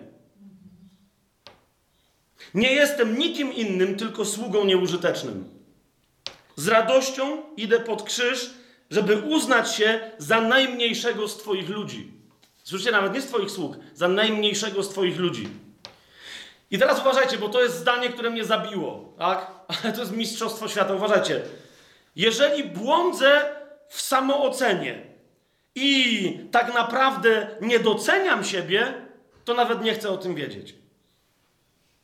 Jeszcze raz, posłuchaj, jeszcze raz to zdanie powtórzę. Jeżeli błądzę w samoocenie i tak naprawdę nie doceniam siebie, to nawet nie chcę o tym wiedzieć. Rozumiesz? Na zasadzie, że ale, ale człowieku, zobacz, tu naprawdę nie, nie masz tych darów aż takich małych. I on mówi, no ale i co mi, co mi to pomoże teraz? Rozumiesz, że jak mi o tym mówisz, to to się może skończyć co najwyżej pokusą, żeby przestać mieć pokorę. A ja chcę mieć czystą, białą szatę. Więc moim celem jest modlić się za innych i cieszyć się ich powodzeniem, jakby było moim własnym. Moim celem, jeszcze raz to powtórzę, jest modlić się za innych i cieszyć się ich powodzeniem, jakby było moim własnym. I rzeczywiście, kończy Tozer, jest moim własnym, jeżeli jest Twoim. Do Boga mówi, bo co jest Twoje, jest i moje. Bo kiedy jeden sieje, a inny podlewa, tylko Ty jeden dajesz wzrost. Czad? Absolutny. Absolutny czad. Absolutny. Eee, jeszcze jednym się z wami podzielę. O, jak już to wyciągnąłem, to się jeszcze jednym z wami podzielę, żeby, żeby podkreślić pewną rzecz. Eee, tylko masz telefon? O, a możesz mi dać? Znalazłem dzisiaj coś, bo szukałem, wiecie, te, te czyste szaty są lniane. Tak? To jest bardzo istotne to, co odkryłem. Się potem tam pytałem, bo ja mówię, okej, okay, yy, tam coś próbowałem yy, szukać po angielsku, ale, ale coś mnie tknęło, że ej, po polsku jest okej. Okay. I teraz, yy, to był dzisiaj rano na modlitwie, tak? Tym się zajmowałem przez 10 minut. Czytałem Wikipedię po polsku na temat tkaniny lnianej. I teraz wyobraźcie sobie, że w opowieści na temat tkaniny lnianej po polsku jest taki dział, który się nazywa Technologia wytwarzania tkanin lnianych na podlaskiej wsi w XIX wieku. Mówię, dobra, okej, okay, a Duch Święty mi mówi, tu wejdź. Mówię, nie, naprawdę, to nie może być Duch Święty. I Duch Święty mówi, no właśnie, wszedłem. Potem sobie sprawdziłem, wyobraźcie sobie, że produkcja w XIX wieku e, tkanin lnianych na Podlasiu w zasadzie prawie niczym, prawie niczym się nie różniła od produkcji tkanin lnianych 2000 lat temu e, na Bliskim Wschodzie. Czyli to, o czym mówił Pan Jezus. A więc to, co teraz wam, i teraz nawet wiecie, nawet jest lepiej, bo my tu mamy ludzi, którzy do dzisiaj wiedzą, jak się to robi. Tak? I teraz posłuchajcie tego. Len się wysiewa w maju, ok, ok, ok, ale jak się zaczyna robienie tkaniny lnianej? Pierwsza rzecz. Tak czytam to i mówię, Duchu Święty, to nie jest Słowo Boże, ale ja wiem, co Ty mi pokazujesz chyba. Chyba wiem, co mi pokazujesz. Mówi tak. Wyr... Kiedy len był już gotowy do zbioru, nie koszono go, ale wyrywano żeby uzyskać jak najdłuższy surowiec. Więc pierwsza rzecz, len się wyrywa. Gdzie jest? Harat. Rozumiesz? Nie ma wycięcia, nie zostawiasz korzenia, bierzesz wszystko i się go wyrywa. I potem, jak zbiera się małe snopki i tak dalej, co się robi z takim wyrwanym lnem? Patrz na to. Następnie małe snopki lnu układano w wodzie i obciążano żerdziami i kamieniami, żeby były całkowicie zanurzone. Mamy chrzest? Teraz sobie myślę, to jest duże podobieństwo, chrzest, a przez chrzest przyoblekliście się w Chrystusa. Myślę, dobra, a zaczynam coś kombinować, ok? Ale teraz, potem się je wyjmowało. Zwykle w październiku przystępowano do międlenia lnu. W jakim celu? w celu pokruszenia i usunięcia osłonek łodyg, aby uzyskać czyste, długie włókno. Następne w procesie jest łamanie lnu. Ok? Nie od razu masz czysty biały len. Trzeba dać się złamać. Służyła do tego międlica. No okej, okay. tam potem była jeszcze jakaś inna rzecz. Pracowały te tam sprzęty. Uwaga, jak duże nożyce łamiąc łodygi lnu.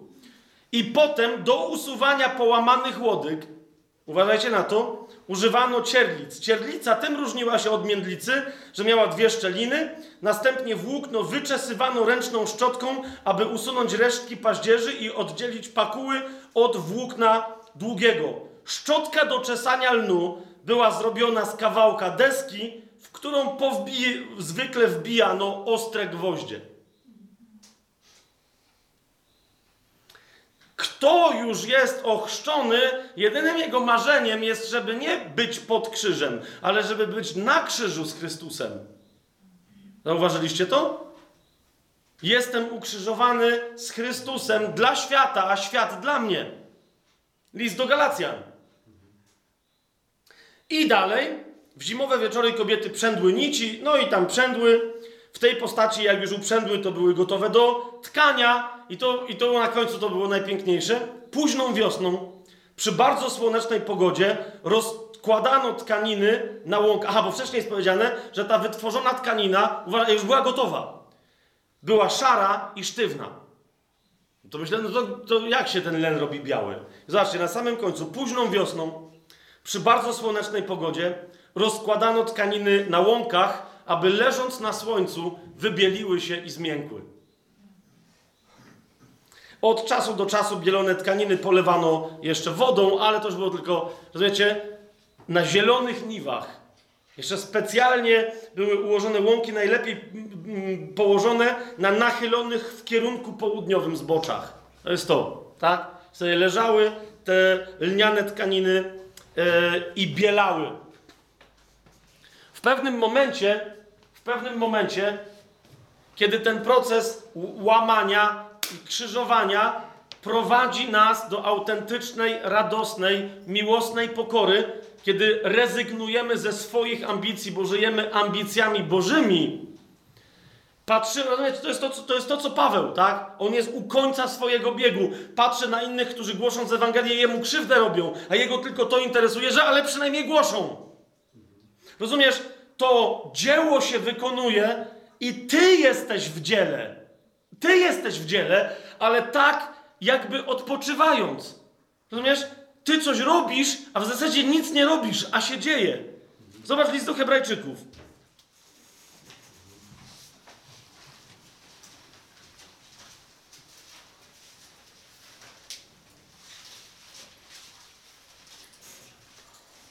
Czwarty rozdział. Dziewiąty werset. I tam pomijam, bo teraz tylko wam pokażę, że jest taki temat. Nie będziemy go dzisiaj rozważać, ale chodzi o to, że naprawdę biała szata i dbanie o jej czystość prowadzi mnie ostatecznie w najbardziej aktywnym działaniu. Zaprowadzi mnie i ciebie do miejsca, w którym nawet pracując 24 godziny na dobę, będziemy coraz bardziej wypoczęci. Ta tajemnica w czwartym rozdziale listu do Hebrajczyków jest opisana, tylko wam zwrócę uwagę. Czwarty rozdział listu do Hebrajczyków, dziewiąty werset i następnie. A tak, mówi y, Paweł, bo według mnie on jest autorem tego listu, a tak zostaje jeszcze odpoczynek dla ludu Bożego. Kto bowiem wszedł do jego odpoczynku, ten także odpoczął od swoich czynów, tak jak Bóg odpoczął od swoich. Wiecie, to nie ma mowy o tym, żeby przestać cokolwiek y, robić. Absolutnie nie. Ale mówi o tym, żeby przestać robić cokolwiek, co wychodzi mi z ciała żeby pozwolić pracować duchowi przeze mnie. Kto bowiem wszedł do jego odpoczynku, on także odpoczął od swoich czynów, tak jak i Bóg odpoczął od swoich. Jest wezwanie, starajmy się więc wejść do owego odpoczynku, aby nikt nie wpadł w ten sam przykład niewiary, o którym tam autor mówił wcześniej. Więc teraz widzisz cały ten wysiłek poddania się dzięki łasce chrztu, wejścia w działanie, jest staraniem się, ale jeszcze raz, staraniem się, które, które łaska przejmuje coraz bardziej, aż w pewnym momencie, aż w pewnym momencie jesteś po prostu białym żaglem napiętym mocą wiejącego wiatru Ducha Świętego, rozumiesz, i rzeczy się dzieją przez ciebie, ale ty, ty rozumiesz, ty sobie odpoczywasz na tym wietrze. Ty jesteś żaglem. Ty jesteś żaglem. To Duch Święty w ciebie dmie, to Duch Święty przez ciebie nadaje mocy jakiejś łódce, okrętowi, co, co tam pływa na żaglach. Żaglówce.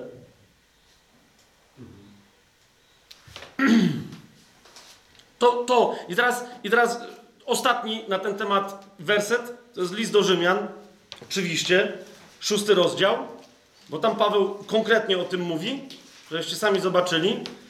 On mówi, że chrzest jest zanurzeniem się, tylko tam nie rozważa kwestii, że jest ubraniem się w Chrystusa, czy inaczej też mówi, ale, ale to go tam na tym się nie koncentruje, ale mówi, jak działa łaska, a jak my mamy z nią współdziałać.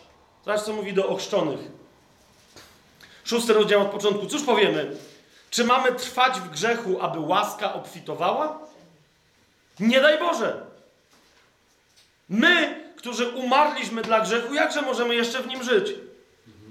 Czy nie wiecie, że my wszyscy, którzy zostaliśmy ochrzczeni w Jezusie Chrystusie w Jego śmierci, zostaliśmy ochrzczeni, zostaliśmy więc pogrzebani z Nim przez chrzest w śmierci? Teraz szósty werset. Zobaczcie, co to oznacza. To znaczy, że w chrzcie otrzymujemy jaką łaskę? Zobacz szósty werset. Że nasz stary człowiek został ukrzyżowany. Człowiek cielesny. Teraz widzisz sęk w tym, żeby mu nie pozwolić zleść z tego krzyża. To nie ja mam cały wisieć na krzyżu. Bo ja w duchu jestem tak jak Chrystus już zmartwychwstały i tej mocy doświadczam. Ale ta moc musi utrzymać ciało, dopóki ono jeszcze, ten namiot, dopóki jeszcze szmatławiec się trzyma, musi się trzymać, ale na krzyżu. Tak? Idźmy dalej. Jedenasty werset, tak i wy uważajcie siebie za martwych dla grzechu, a żywych dla Boga w Jezusie Chrystusie, naszym Panu. I teraz nie tylko, to nie chodzi tylko, żebyśmy mieli pogląd, uważajcie się za takich, a nie za takich. Ale on patrz, mówi dalej konkretnie, niechże więc grzech nie króluje w waszym śmiertelnym ciele, żebyście mieli mu być posłuszni w jego porządliwościach. I mówi, zauważ, to jest, mówi, to jest w waszych rękach. Masz łaskę, która utrzyma ci ciało na krzyżu.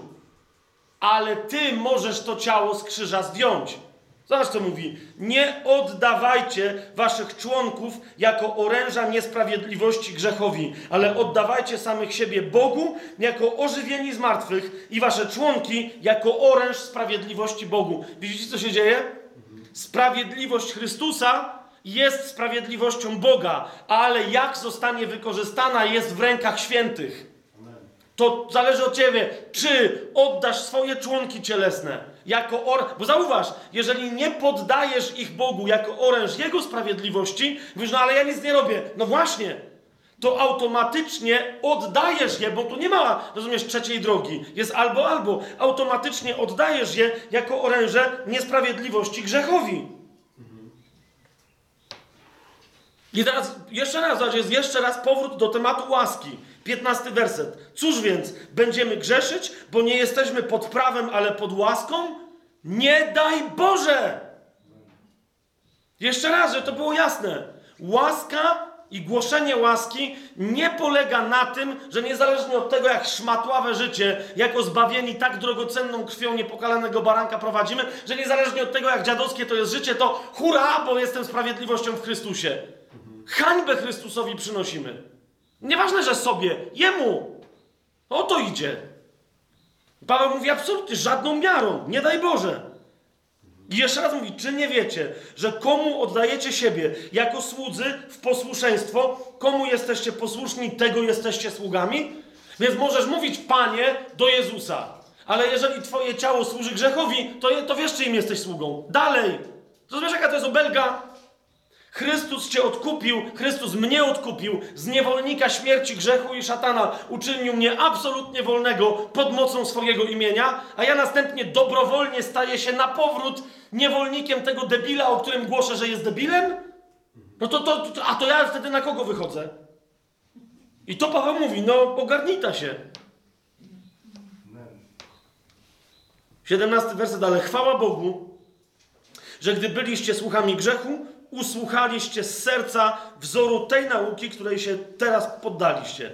A będąc uwolnieni od grzechu, staliście się sługami sprawiedliwości. Więc jeszcze raz, sprawiedliwość zawsze jest Boża. Ja nie mam żadnej sprawiedliwości z sobie, z siebie. I list do Rzymian wcześniej w tej kwestii nie pozostawia żadnej wątpliwości. Trzeci rozdział, piąty rozdział, żadnej wątpliwości. Nie będziemy tego rozważać. Ale jeszcze raz, My tę sprawiedliwość, którą dostaliśmy z łaski od Pana za darmo, rozumiesz, możemy obrócić tak, że ta ona się rozpłynie z ducha na duszę i na ciało, albo możemy ją zbezcześcić.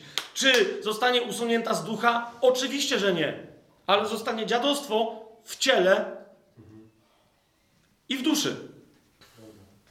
Czy to jest więc jasne, że można białe szaty splamić, a nawet w ogóle się ich pozbawić? Czy, czy widzicie teraz dlaczego nawet do Smyrny Jezus nie powiedział, że ich wyżyga, a tym powiedział, że ich wyżyga? Bo to jest coś, rozumiesz, jeżeli on sprawiedliwy zaczyna mieć w ustach coś, co nie ma w sobie ani krztyny sprawiedliwości, rozumiesz? To, to, to on nie może tego utrzymać w ustach i dlatego mówi, "E, wyżygam to. Dla, dlatego nie utrzymam tego w ustach.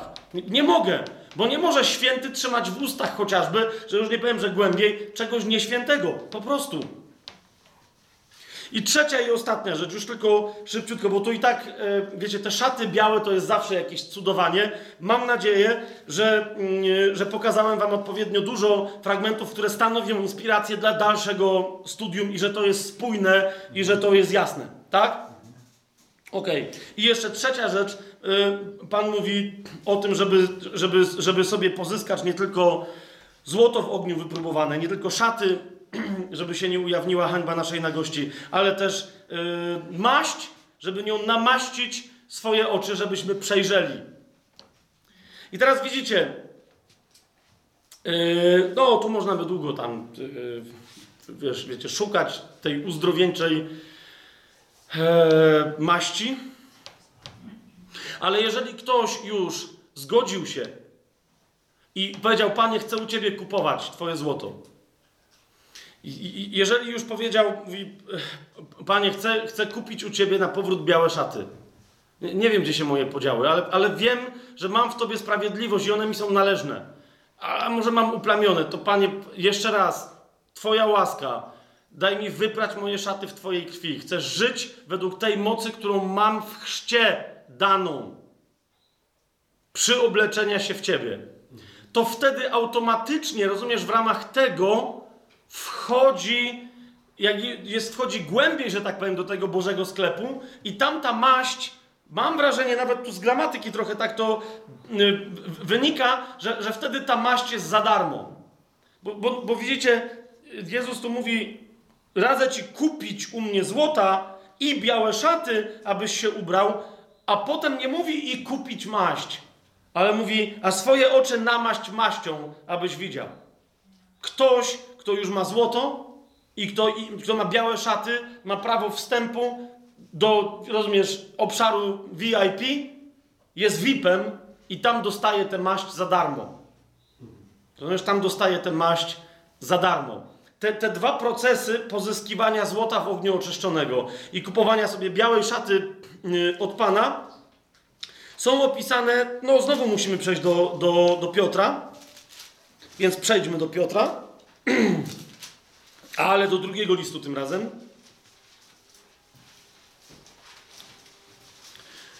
Pierwszy rozdział będziemy czytać od pierwszego wersetu.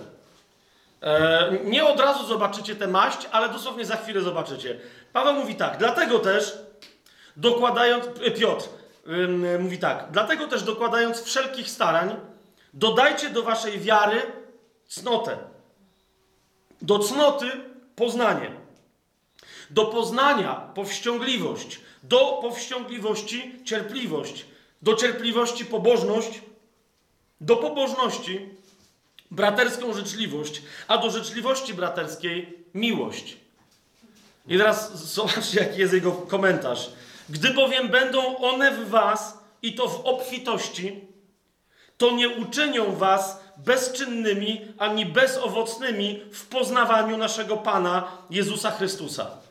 Kto zaś ich nie ma, jest ślepy, krótkowzroczny i zapomniał, że został oczyszczony ze swoich dawnych grzechów.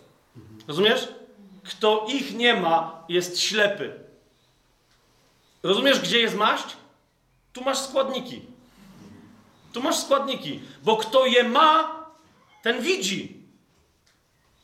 Jeszcze raz, to w, w, tym kontekście popatrz. Kto je ma, kto, kto co ma? Wiarę, do wiary cnotę, do cnoty poznanie, do poznania powściągliwość, do powściągliwości cierpliwość, do cierpliwości pobożność, do pobożności braterską życzliwość, a do życzliwości braterskiej miłość. rozumiesz? Kto je ma, ten widzi. Jeszcze raz, to jest maść na oczy. Gdy bowiem będą one w was i to w obfitości, to nie uczynią was bezczynnymi ani bezowocnymi. Jak ich nie będzie, będziecie ślepi. I będziecie myśleli, że macie piękne szaty, a cała hańba waszej nagości będzie na wierzchu i wszyscy się będą śmiali. Widzicie to? Teraz o, o każdej z tych rzeczy, o wierze już mówiliśmy, tak? O miłości coś tam wspomnieliśmy, o tu innych, można by dalej je zgłębiać. Nie będziemy tego robić. Nie będziemy tego robić. Hmm? To, to macie y, kolejne studium. Ale chcę wam powiedzieć, dlaczego ta maść na oczy jest taka ważna. Zobaczcie, co dalej Piotr pisze. Kto ich nie ma, jest ślepy, ale zobaczcie dalej, 10, 11 werset, co on mówi. Dlatego, bracia, tym bardziej starajcie się umocnić wasze powołanie i wybranie. Czemu tyle osób się dzisiaj kłóci o pewność zbawienia, a nikt się nie kłóci o powołanie i wybranie? A, a, a Piotr mówi, a tam, powołanie i wybranie, o to walczcie. Szaty, złoto, jeszcze maść, żebyście widzieli. To umocni wasze powołanie i wybranie. To bowiem czyniąc, nigdy się nie potkniecie. Pamiętacie, jak Paweł mówi, kto stoi, niech baczy, żeby czasem nie upadł? I teraz, ale dlaczego, o co chodzi? Popatrzcie, jedenasty werset. Jak zaskakująca historia na, nadziei, chwały nadchodzącej. Mówi, w ten sposób hojnie będzie wam dane wejście do wiecznego królestwa naszego Pana i Zbawiciela Jezusa Chrystusa. W ten sposób, także dzięki tej maści, będzie wam dane hojnie. Według mnie, nie będę teraz tego rozwijał, te ciemności zewnętrzne, o których, o których słyszymy często u Pana Jezusa w przypowieściach, to de facto jest królestwo. Ok? Ale ta część królestwa, która jest poza jego obecnością. Hmm? W tysiącletnim królestwie to przyjdzie kiedyś moment i, i, i więcej, także na tajemnym planie, jeszcze więcej o tym powiemy. Tak? Ci, którzy trafiają w ciemności zewnętrzne, wcale nie znaczy, że, że oni pójdą do piekła, ale kochani, jak mamy kwestionować różne rzeczy w ramach swojej wiary, to powiedzcie mi, kto, gdzie nam obiecał, w sensie w Piśmie Świętym, gdzie Duch Święty, gdzie Ojciec, gdzie Pan Jezus objawił, że po śmierci, czy w jakimś tam niebie przyszłym, cokolwiek by to nie znaczyło, że wszyscy będziemy równi. Gdzie mamy to obiecane? A zauważcie, jak wiele osób w to wierzy. No, teraz głosią, wszędzie się głosi równość, ale a teraz nie ma równości. Ale przynajmniej w niebie. Ciesz się teraz tą równością demokratyczną, czy jakąkolwiek inną, bo tam nie ma takiej obietnicy.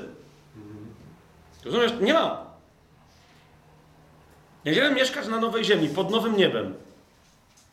Będzie, będzie nowe Jeruzalem, które zstąpi z nieba, ale zauważcie, że nie wyląduje.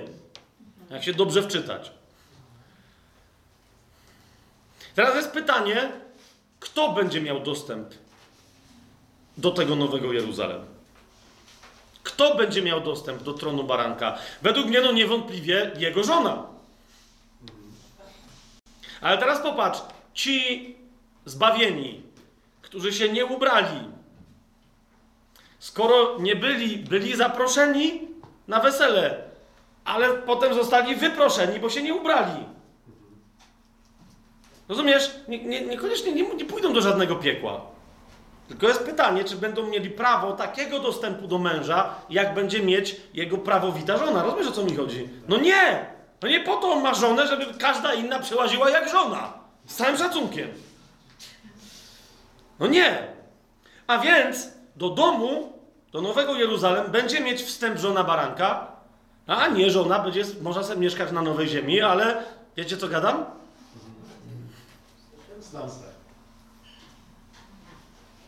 Także nie będziemy teraz jeszcze tego jakoś. Tak, teraz widzę, że. Yy, widzicie, yy, znowu do kobiet teraz. Teraz mówię do kobiet. Do mężczyzn czasem nie ma co gadać, no, bo to już jest, jest już późno. Ale mówię do kobiet, bo czasem kobiety się denerwują, i, i, a niektórzy idą im w sukurs i na przykład w takich fragmentach, jak teraz przeczytałem, dlatego bracia, tym bardziej starajcie się i, i często niektórzy poprawiają, dlatego bracia i siostry, no bo przecież wiadomo, że do wszystkich mówimy, spokojnie. Ale Słowo Boże mówi dlatego bracia. Czy to, jest, czy to nie mówi do kobiet? Oczywiście, że mówi. Oczywiście, że mówi. Ponieważ w tym duchowym sensie, w którym w każdej i w każdym z nas zamiesz- zamieszkuje Chrystus, to wszyscy jesteśmy braćmi. I dziewczyny, naprawdę nie ma. Nie, obszajcie to, no nie ma się co obrażać, bo naprawdę łatwiej jest wam przyjąć, że jesteście naszymi braćmi, niż nam przyjąć, że razem z wami jesteśmy żonami. A zauważcie, że nam nikt nie pozostawia wyboru i całe, i to wie, jak długo tutaj będziemy braćmi. Rozumiecie o co mi chodzi? Dość, a na całą wieczność będziemy wszyscy żonami, także halo. Naprawdę nie denerwujcie się o tych braci w piśmie, tak? Bo my mamy gorzej. Naprawdę nie dziwcie się czasem mężczyznom, że pewnych nauczań nie lubią, no nie? Ja, ja sam trochę o tym gadam i czuję się nie dość komfortowo. Mm? Wiem, że to jest ważne, żeby o tym nauczać, ale na, naprawdę nie bardzo kumam, jak ja mam się... No wy popatrzcie na mnie. I wiesz, teraz taki biały welon, tu wszystko, wiesz, sukienka, no nie... Lampa oczywiście oliwna musi się płonąć i czekam na pana młodego. No na... Mm. I teraz naprawdę są też brzydsi mężczyźni niż ja, ale nie ma za specjalnie piękniejszych, o to mi chodzi, tak? To jest wszystko, nieważne jak tam, wiesz, rureczki, inne historie założy, to no po prostu, no kobiety z niego nie zrobisz, jeszcze raz nie chcę obrażać y, y, tam transgender innych tam ludzi, tylko no trudno, co, co, gadam, tak? To jest też wielkie zwiedzenie, że tam po prostu, gdzie jest piękno, jest piękno, gdzie jest siła, jest siła. Więc jeszcze raz, no, nie, nie obrażajcie się, nie obrażajcie się na to. Zauważcie, że, że, że ci, którzy odziedziczą królestwo, jedni mogą, popatrzcie na ten jedenasty werset, e, jedni mogą odziedziczyć hojnie, a inni ubogo. Jedni w sposób, jednym w sposób hojny będzie dane wejście do wiecznego królestwa, z tego wynika, że innym nie do końca hojny. Tak? I to naprawdę w dużej mierze zależy od naszej decyzji, co my tam dostaniemy. Bo niektórzy, wiecie, w różnych miejscach mówiłem o tym, że bierzemy udział w biegu, na końcu biegu jest nagroda, że wykonujemy pracę, za pracę jest zapłata. I nie o, to jest legalizm, to jest uczynkowość. Nie, to jest tylko współpraca z łaską Bożą, ale wciąż, no, na ile, rozumiesz, Bóg jest sprawiedliwy. Zbawieni jesteśmy wszyscy tak samo, tą samą krwią, w tej samej cenie, z tą samą wartością, ta i w tym jesteśmy równi. Ale dalej, naprawdę to od twojej, od mojej odpowiedzi zależy, co się dalej wydarzy. I naprawdę, naprawdę, kochani, myślę, że ja, ja, ja przez pierwsze 16 milionów lat na Nowej Ziemi będę chodził, potem mnie poznacie, będę ciągnął, będę miał szczękę opadniętą na ziemię i będę ciągnąć między nogami. Tak będę chodził. Wiecie dlaczego? Będę cały czas zdziwiony, kto, jak wspaniale został wynagrodzony za, za swoją współpracę z łaską przez Jezusa. Naprawdę się zdziwimy. A ja na ja mówiłem, ja wiem, że się zdziwię. Czasem patrzysz na kogoś i myślisz sobie, no siedzi taka sirota w tym zboże. Okej. Okay. Aż tam, tam jest gość, no nie? I potem ten gościu będzie, wiesz, latał z takim wianuszkiem na głowie, a sirota nagle się okaże, że siedzi na tronie, tak? I debatują z barankiem o różnych, wiesz, historiach, do których my możemy nie być dopuszczeni. Pomyśl. Laodyceo, pomyśl. I zakoń, skoro, skoro już kończę. Nie, dobra, będę z kawą stał. E, Słyszałem, że jakieś memy powstały ze mną z kawą, także to jest. jeszcze ich jeszcze nie widziałem, ale to jest, to jest ciekawe. E, na, na, na, coś chcę wam, e, na coś chcę Wam zwrócić uwagę. Rozumiecie? Ta Laodycea. Patrzcie jeszcze raz, trzeci rozdział. Jaka jest rada? Pan mówi: kupcie u mnie złota. Z czym było związane złoto? Z wiarą. Tak? Z wydoskonaleniem wiary. Zobaczcie, z, z, z, czym jest związana biała szata? De facto z miłością. Tak? Z, z czym jest związana maść? Z tą na, nadzieją, którą mamy, hojnego bycia wpuszczonym, hojnego do wiecznego królestwa. Tak? Teraz zobaczcie, co się dzieje. Otwórzmy list do Kolosan. Wiara, nadzieja, wiara, miłość i nadzieja. Zobaczcie, jak, jak, ten sam autor pisze Pismo Święte. Za co chwalił Kolosan Paweł, a więc także kościół, w Kolosach, w Laodycei i w Hierapolis. Pierwszy rozdział. Zobacz. Dziękuję, trzeci werset i dalej. Dziękujemy Bogu i Ojcu, naszego Pana Jezusa Chrystusa, nieustannie modląc się za Was, odkąd usłyszeliśmy, patrz, o Waszej wierze w Chrystusa Jezusa i o Waszej miłości względem wszystkich świętych z powodu nadziei odłożonej dla Was w niebie. Rozumiesz? Laodycea, jak i Kolosy, jak i Hierapolis, to był kościół jednego regionu, który miał wiarę, z powodu której był sławny. To był kościół, który miał miłość, z powodu której był sławny. Mieli złoto, które mogło się oczyszczać w ogniu. Mieli białe szaty, które były czyściutkie i lśniące. I mieli nadzieję, mieli otwarte oczy, którymi widzieli, co zostało im obiecane, i wiedzieli, że nadzieja jest pewna i zawieść nie może. I zobacz, co się stało przez parędziesiąt lat. Jezus im mówi: odkupcie to sobie. Odkupcie sobie ode mnie to złoto wiary. Odkupcie sobie ode mnie te białe szaty miłości wzajemnej. A, a, a i maść powróci i przypomni się wam, jaka jest nadzieja, która zawieść nie może. Ja, ja to dzisiaj do nas mówię.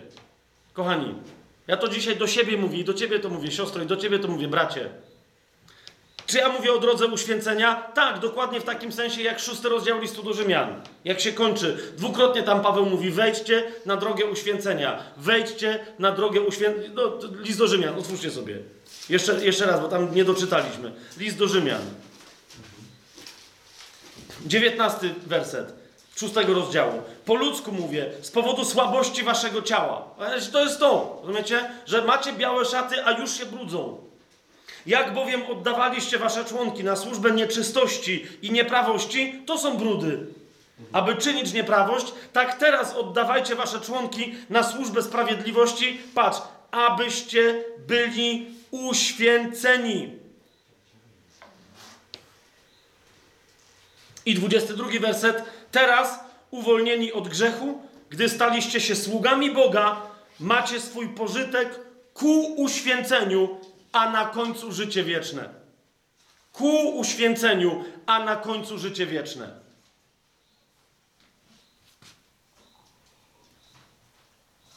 Laodycea, jak i kolosy, Laodycejanie, jak i kolosanie, mieli wszystko, co należy i się zadufali w sobie. Siedli w swoich zborach i powiedzieli: Wszystko już mamy. Dlaczego nam jeszcze potrzeba? Dzieło misyjne, ewangelizacyjne w tamtym regionie, kolosy, te, yy, też innych, tak, ale, ale wśród kolosan, laodycejan, tam było potężne. Bardzo łatwo w ramach takiego dzieła potem, rozumiesz, chełpić się coraz bardziej tym, że ej, zobacz, zobacz co my tu zrobiliśmy. Zrób ty to samo u siebie i będziemy gadać. A tymczasem, a tymczasem wiesz, jest trzech świętych, którzy gdzieś tam walczą i cierpią i pozwalają w tyglu oczyścić swoje złoto i nagle owoc wybucha tego złota i są bogaci duchowo, a, a tamtym Pan mówi, to co z tego, że wy jesteście przekonani, że jesteście bogaci, jesteście biedni. I teraz, wiecie, ja wam to tu mówię, nie, nie wiem dlaczego, tak? Nie chcę, żebyście teraz, wiesz, Dębica, Mielec, ktoś odebrali, że okej, okay, Fabian powiedział, że jesteśmy nędzni, ale żebyśmy się nie bali, bo w sumie może jest fajnie. Ja nie, nie o tym mówię. Ja mówię o stanie wszystkich, ale z drugiej strony, jeżeli czasem sobie tak myślicie, a tamci to mają, wiesz, zbór, a ci, a tu, a my jakoś tak w kółko dziadujemy. Zaufajcie dziełu Bożemu, gdziekolwiek jesteście. Zaufajcie prowadzeniu Bożemu. Nie patrzcie na innych, cieszcie się ich sukcesami. Wierzcie, że to są Boże sukcesy. Ale poproście Pana o złoto oczyszczone w ogniu. Poproście Pana o szaty. Jak macie, to żeby po prostu poproście Pana jeszcze raz, Panie, upierz nam te szaty. Pokaż moją słabość. W czym jeszcze mam. Wiecie, jak, jak parę miesięcy temu ten proces zacząłem, to pomyślałem, a to tam trochę potrwa. I, i, I, prawie codziennie Bóg mi mówi o kolejnej rzeczy, którą mi pokazuje, że jest plamą na mojej białej szacie. A ja się w wodzie chrzciłem trochę ponad dwa lata temu. No czujecie to? Ja, po prostu. To, że przyjąłem przez wiarę, tak, nowe życie od Jezusa, to było ponad grubo 20 lat temu, jak mówiłem, na początku 90 lat, tak? Ale w wodzie się ochrzciłem dopiero ponad, trochę ponad dwa lata temu. I już Bóg mi pokazuje, no to popatrz. To, to tak, tak wygląda Chrystus, w którego się przyoblekłeś? Nawet miałem takie dni, że, że sobie pomyślałem, dobra, okej, okay, wycinamy wszystko na tajemnym planie. I bo nie, to jeszcze raz, trzeba, jeszcze raz. Ale potem sobie pomyślałem, ale dlaczego? Ta, nawet dobrze, że to jest nagrane. Ja sam to może kiedyś oglądam, ja tego nie oglądam, ale mówię, sam to kiedyś oglądam. Nie po to wiecie, żeby tam słuchać jakiejś mądrości, tylko żeby siebie zobaczyć. I żeby zobaczyć, czy chociaż, nie wiem, dwa kroki zrobiłem do przodu, czy nie. Czy, czy dalej tak samo bredzę. Wie, wiecie, nie chodzi mi o, o jakby wartość słów wypowiadanych, czy, tylko kim ja jestem, kim ja tam wtedy byłem. Jakie były moje intencje, jakie były moje, chyba czystość moja. Na ile duchowy byłem w duszy i w ciele. No wiecie, o co mi idzie. To, to jest to. I teraz, I teraz tobie mówię, na, na, rozumiesz, nawet się nie, chyba że Duch Święty ci pokazuje, nie musi ci, niech ci pokaże jeszcze jedną osobę. Zjednocz się z nią. Pan Jezus mówi wyraźnie, że gdzie się dwie albo trzy osoby, ale dwie zgodzą ze sobą na modlitwie, są wysłuchane, dostaną to, o co proszą, zgodnie z wolą Bożą. Teraz powiedz mi, ta prośba o złoto w ogniu oczyszczone i o białą szatę, ona jest niezgodna z wolą Bożą? No, to, to zacznij od tego. Naprawdę odłóż inne jakieś tam, wiesz, potrzeby, odłóż inne historie. Zacznij od tego. Ani się nie obejrzymy. Naprawdę, my cały czas walczymy o to samo u siebie. W Krakowie i w innych miejscach wiem, że, że kościoły to samo robią. Ani się nie obejrzymy, jak wreszcie autentyczna moc obecności zmartwychwstałego zacznie się przejawiać przez nas. Kiedy my się wreszcie przestaniemy koncentrować na tym, żeby ją, tą obecność wyprodukować, a zaczniemy się koncentrować na tym, żeby nie przeszkadzać Chrystusowi się objawiać przez nas. Więc, więc jak wam pokazałem, Kolosanie, Laodycejanie jacyś tam byli, potem jacyś tam się stali, ale skończmy listem do tego kościoła, w którym, jak wam powiedziałem, ja bym chciał być. Objawienie Jana, trzeci rozdział, od siódmego wersetu. Wierzę, że zakupienie tych wszystkich rzeczy skończy się przejściem do, do stanu kościoła filadelfijskiego. Zobaczcie, co tam y, Pan Jezus mówi. Do anioła kościoła w Filadelfii napisz. To mówi święty, prawdziwy. Ten, który ma klucz Dawida, ten, który otwiera i nikt nie zamknie, zamyka i nikt nie otworzy. Znam Twoje uczynki. Oto postawiłem przed Tobą otwarte drzwi, których nikt nie może zamknąć, bo chociaż masz niewielką moc, jednak zachowałeś moje słowo i nie wyparłeś się mojego imienia. Oto dam ci ludzi z synagogi szatana, którzy mówią, że są Żydami, a nimi nie są, ale kłamią. Oto sprawię, że przyjdą i pokłonią się przed Twoimi nogami i poznają, że ja Ciebie umiłowałem. Ponieważ zachowałeś słowo mojej cierpliwości, ja też zachowam Ciebie od godziny próby, która przyjdzie na cały świat, aby doświadczyć mieszkańców ziemi. Oto przyjdę wkrótce. Trzymaj to, co masz, aby nikt nie wziął Twojej korony. A tego, kto zwycięży, uczynię filarem w świątyni mojego Boga. I już nie wyjdzie na zewnątrz.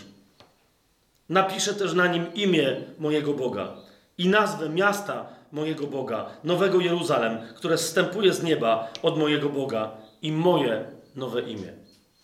Kto ma uszy, niechże słucha, co Duch mówi do kościołów.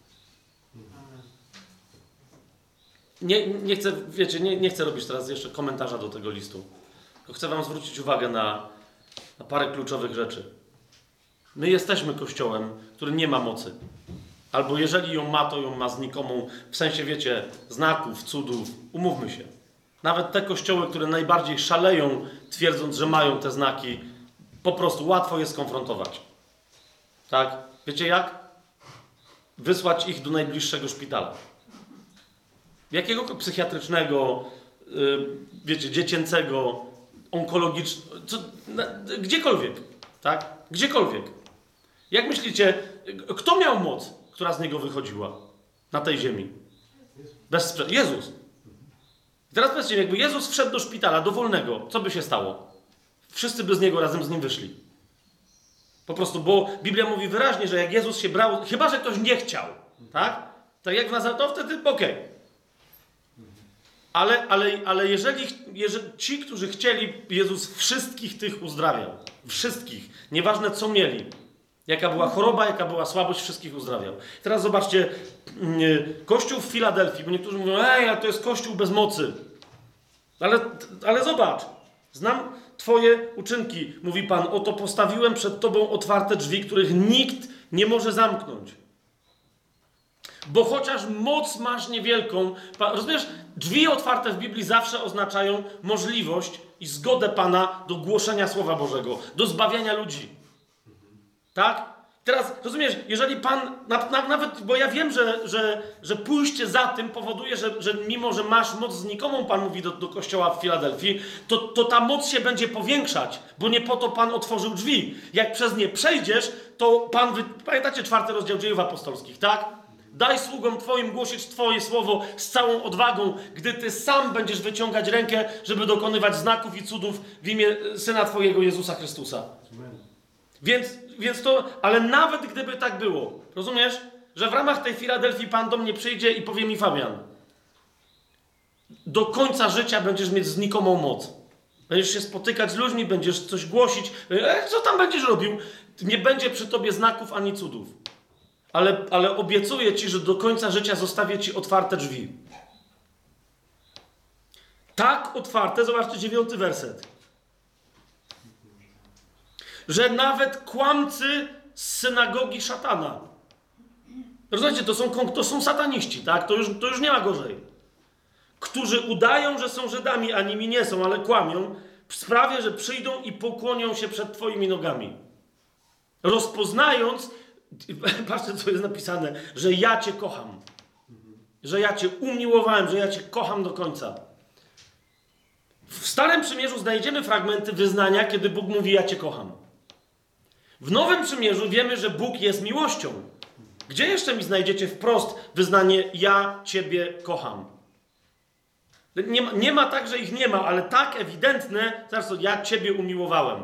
Nawet jak, wiecie, ojciec mówi do syna, to jest mój syn umiłowany, tak? Ty jesteś mój syn, ale to jest po prostu, ja Cię, I love you. To jest tyle, rozumiesz? To za, dla samego tego, gdyby mi Pan powiedział, mówię, Panie, to ja chcę zostać w znikomej mocy. Bo i tak nie ma niczego wspanialszego. Zawsze moc może być pokusą, okazją, żeby zapatrzeć się w znaki zamiast w ciebie, żeby zacząć szukać objawień zamiast ciebie.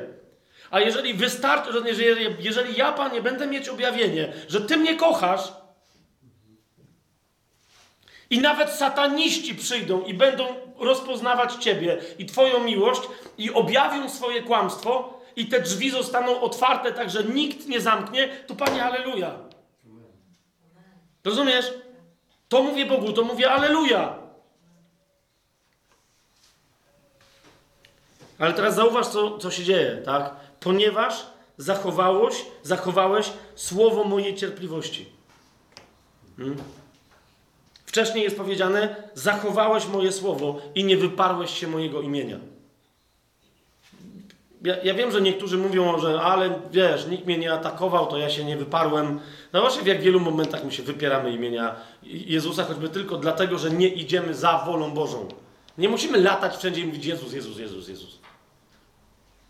Tylko, tylko w momencie, kiedy my objawiamy te, to, kim jest Jezus, to jest przyznawanie się do Jezusa. I teraz zauważ jeszcze jedną rzecz, dwunasty werset. Tego, kto zwycięży, uczyni filarem w świątyni mojego Boga, mówi Pan, i już nie wyjdzie na zewnątrz. Rozumiesz? To jest taka bliskość z Panem, że to nie jest chodzenie między Nową Ziemią a Nowym Jeruzalem i się plątanie. Jest taka bliskość, że siedzisz w świątyni i już nie wyjdziesz nawet na zewnątrz świątyni, nawet do miasta. Rozumiesz? Jesteś w samym sercu tego miasta. Nie wyjdziesz, już nie, nie ma nawet mowy o ciemnościach zewnętrznych. nawet z tej... To, tak? Dalej. Napiszę na nim imię mojego Boga. Oczywiście. Rozumiesz, to jest ktoś, kto reprezentuje sobą Jahwe. Nazwę miasta mojego Boga, Nowego Jeruzalem. Kapujesz? Jesteś tak jak, tak jak Paweł w Rzymie, jak mówił, a ja mam obywatelstwo rzymskie i nagle Rzymianie, ups, myśleliśmy, że jesteś Żydem. Pamiętacie, jak tam jeden gość mówi do Pawła, mówi, to ja obywatelstwo rzymskie kupiłem za niesłychane pieniądze, a ty jesteś Rzymianinem? A Paweł mówi, a ja się urodziłem Rzymianinem. Co ty na to, szczylu? I pamiętacie, i oni zawsze wiedzieli, że to jest, nawet jak był więźniem, pamiętacie? Każdy się z nim obchodził, okej, to jest więzień, ale to jest Rzymianin. Tu, rozumiesz? Tu, tu jesteś prawowitym, absolutnie przez Boga rozpoznanym, przez Jezusa opisanym obywatelem Nowego Jeruzalem. Patrz, co jest jeszcze dalej. Jaka nagroda. Co jeszcze napiszę? Imię mojego Boga, imię miasta mojego Boga, Nowego Jeruzalem, które zstępuje z nieba od mojego Boga. I co mówi Chrystus? I moje, moje nowe imię napiszę na tobie. Rozumiesz? Chrystus w tobie, w twoim życiu, tak jak w moim życiu, chce się objawiać temu światu w jeszcze inny, zupełnie nowy sposób. Zupełnie nowy sposób. Ty nie masz pełnić uczynków, o których inni ci mówią, że masz pełnić. Jeszcze raz, w tym wszystkim, o czym tu dzisiaj mówiliśmy, nie chodzi o legalizm. My jesteśmy stworzeni do swojej, mamy, każdy z nas ma wyjątkowe, niepowtarzalne powołanie. Chrystus przez ciebie, przeze mnie chce się objawić jak przez nikogo innego. I w momencie, kiedy my właśnie, to jest to, w momencie, kiedy my mu wreszcie pozwalamy. Rozumiesz, że jaki tygiel może cię przestraszyć, czy mnie, niezależnie od tego, jak ciało się boi. Tak? Jaki tygiel może przestraszyć w momencie, kiedy ty wiesz, że w tym tyglu wytopi się kolejny raz nowe imię Chrystusa dla tego świata. Kolejny raz z mocą w moim życiu ogłoszone. To rozumiesz? Dlatego jest ta nagroda, tak? Bo za tę wierność Chrystus powie: Tak jest. Żyłeś na tym świecie jako ja. Mogąc powiedzieć, już nie ja żyję, ale żyje we mnie Chrystus. I to imię objawiłeś i, i wypiszę to imię na Twojej szacie. Obczajasz? Cała reszta, rozumiesz, złota w niebie, inne tam dostatki, wszystko inne, powiedz mi, co może się równać z tą radością? Kto ma uszy, niechże słucha, co Duch mówi do kościołów.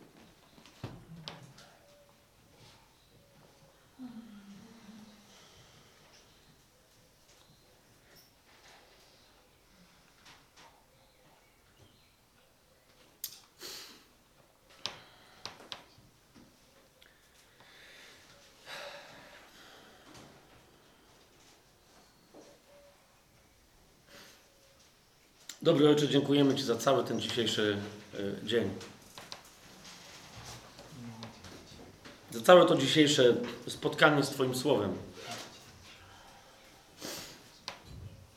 Dobry Panie Jezu, dziękujemy Ci za, za Twoją obecność pośród nas od samego początku, jak się tylko tu dzisiaj zgromadziliśmy. Cały czas w przerwach, w rozmowach, w dawaniu świadectwa.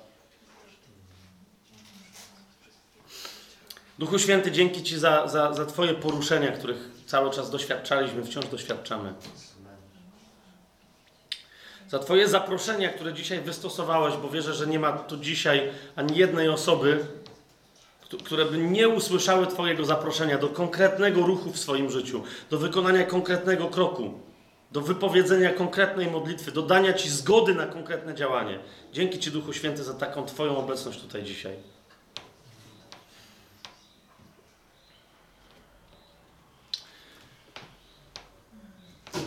Proszę Cię, Panie, niech Twój święty duch w nas działa cały czas. Że, że, i, i, proszę Cię, Panie, teraz wysłuchaj każdego serca, mojej modlitwy, ale każdego serca, tak jak w sercu każdy, czy nawet na głos teraz się, się, się modli. Proszę Cię, wysłuchaj naszej modlitwy i, i, i wysłuchaj naszej decyzji dzisiaj. Bo, bo jutro możemy chcieć się z niej wycofać, więc dlatego, Panie, ja Ci mówię dzi- dzisiaj, proszę Cię, Panie, daj, otwórz mi sklep ze swoim złotym, złotem wypróbowanym w ogniu. Proszę Cię o to. Otwórz mi sklep. I jak ja się jutro przestraszę, że tam w tym sklepie jest gorąco, bo tam jest tygiel i tam jest jakiś piec, proszę Cię, Panie, Niech Twoi aniołowie mnie trzymają i mi wrzeszczą do ucha prawego i do lewego i niech, niech po prostu niech mi wrzeszczą i mówią, ej, przecież się zgodziłeś. I żebym ja się wtedy tam opamiętał i powiedział, rzeczywiście zgodziłem się. Teraz, Panie, Ci mówię, że się zgadzam i się zgadzam na to, żebym nawet jak się opierał, to żebyś Ty dalej wiedział, że masz moją zgodę. I proszę Cię, daj mi kupować u siebie obficie tego złota w- w ogniu oczyszczonego.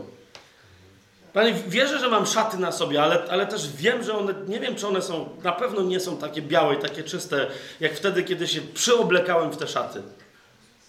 Więc proszę Cię, Panie, ucz mnie miłości, ucz mnie pokory. Ja, ja wiem, że sam z siebie tego nie wyciągnę. Po prostu, Panie, skończ moje własne wysiłki. Daj mi odpocząć, Panie, od moich uczynków. Daj mi wreszcie poddać się Twojej woli, Twojej łasce.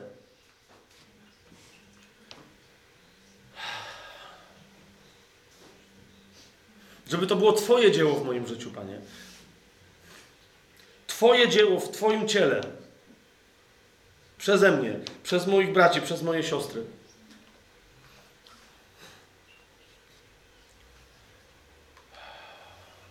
Daj mi, Panie, wejść na tą drogę od wiary aż po aktywnie działającą miłość, o której pisze Piotr w swoim drugim liście. Żebym miał dobrze widzące oczy. I żebym wiarą kroczył i pielgrzymował, a nie oglądaniem cielesnym.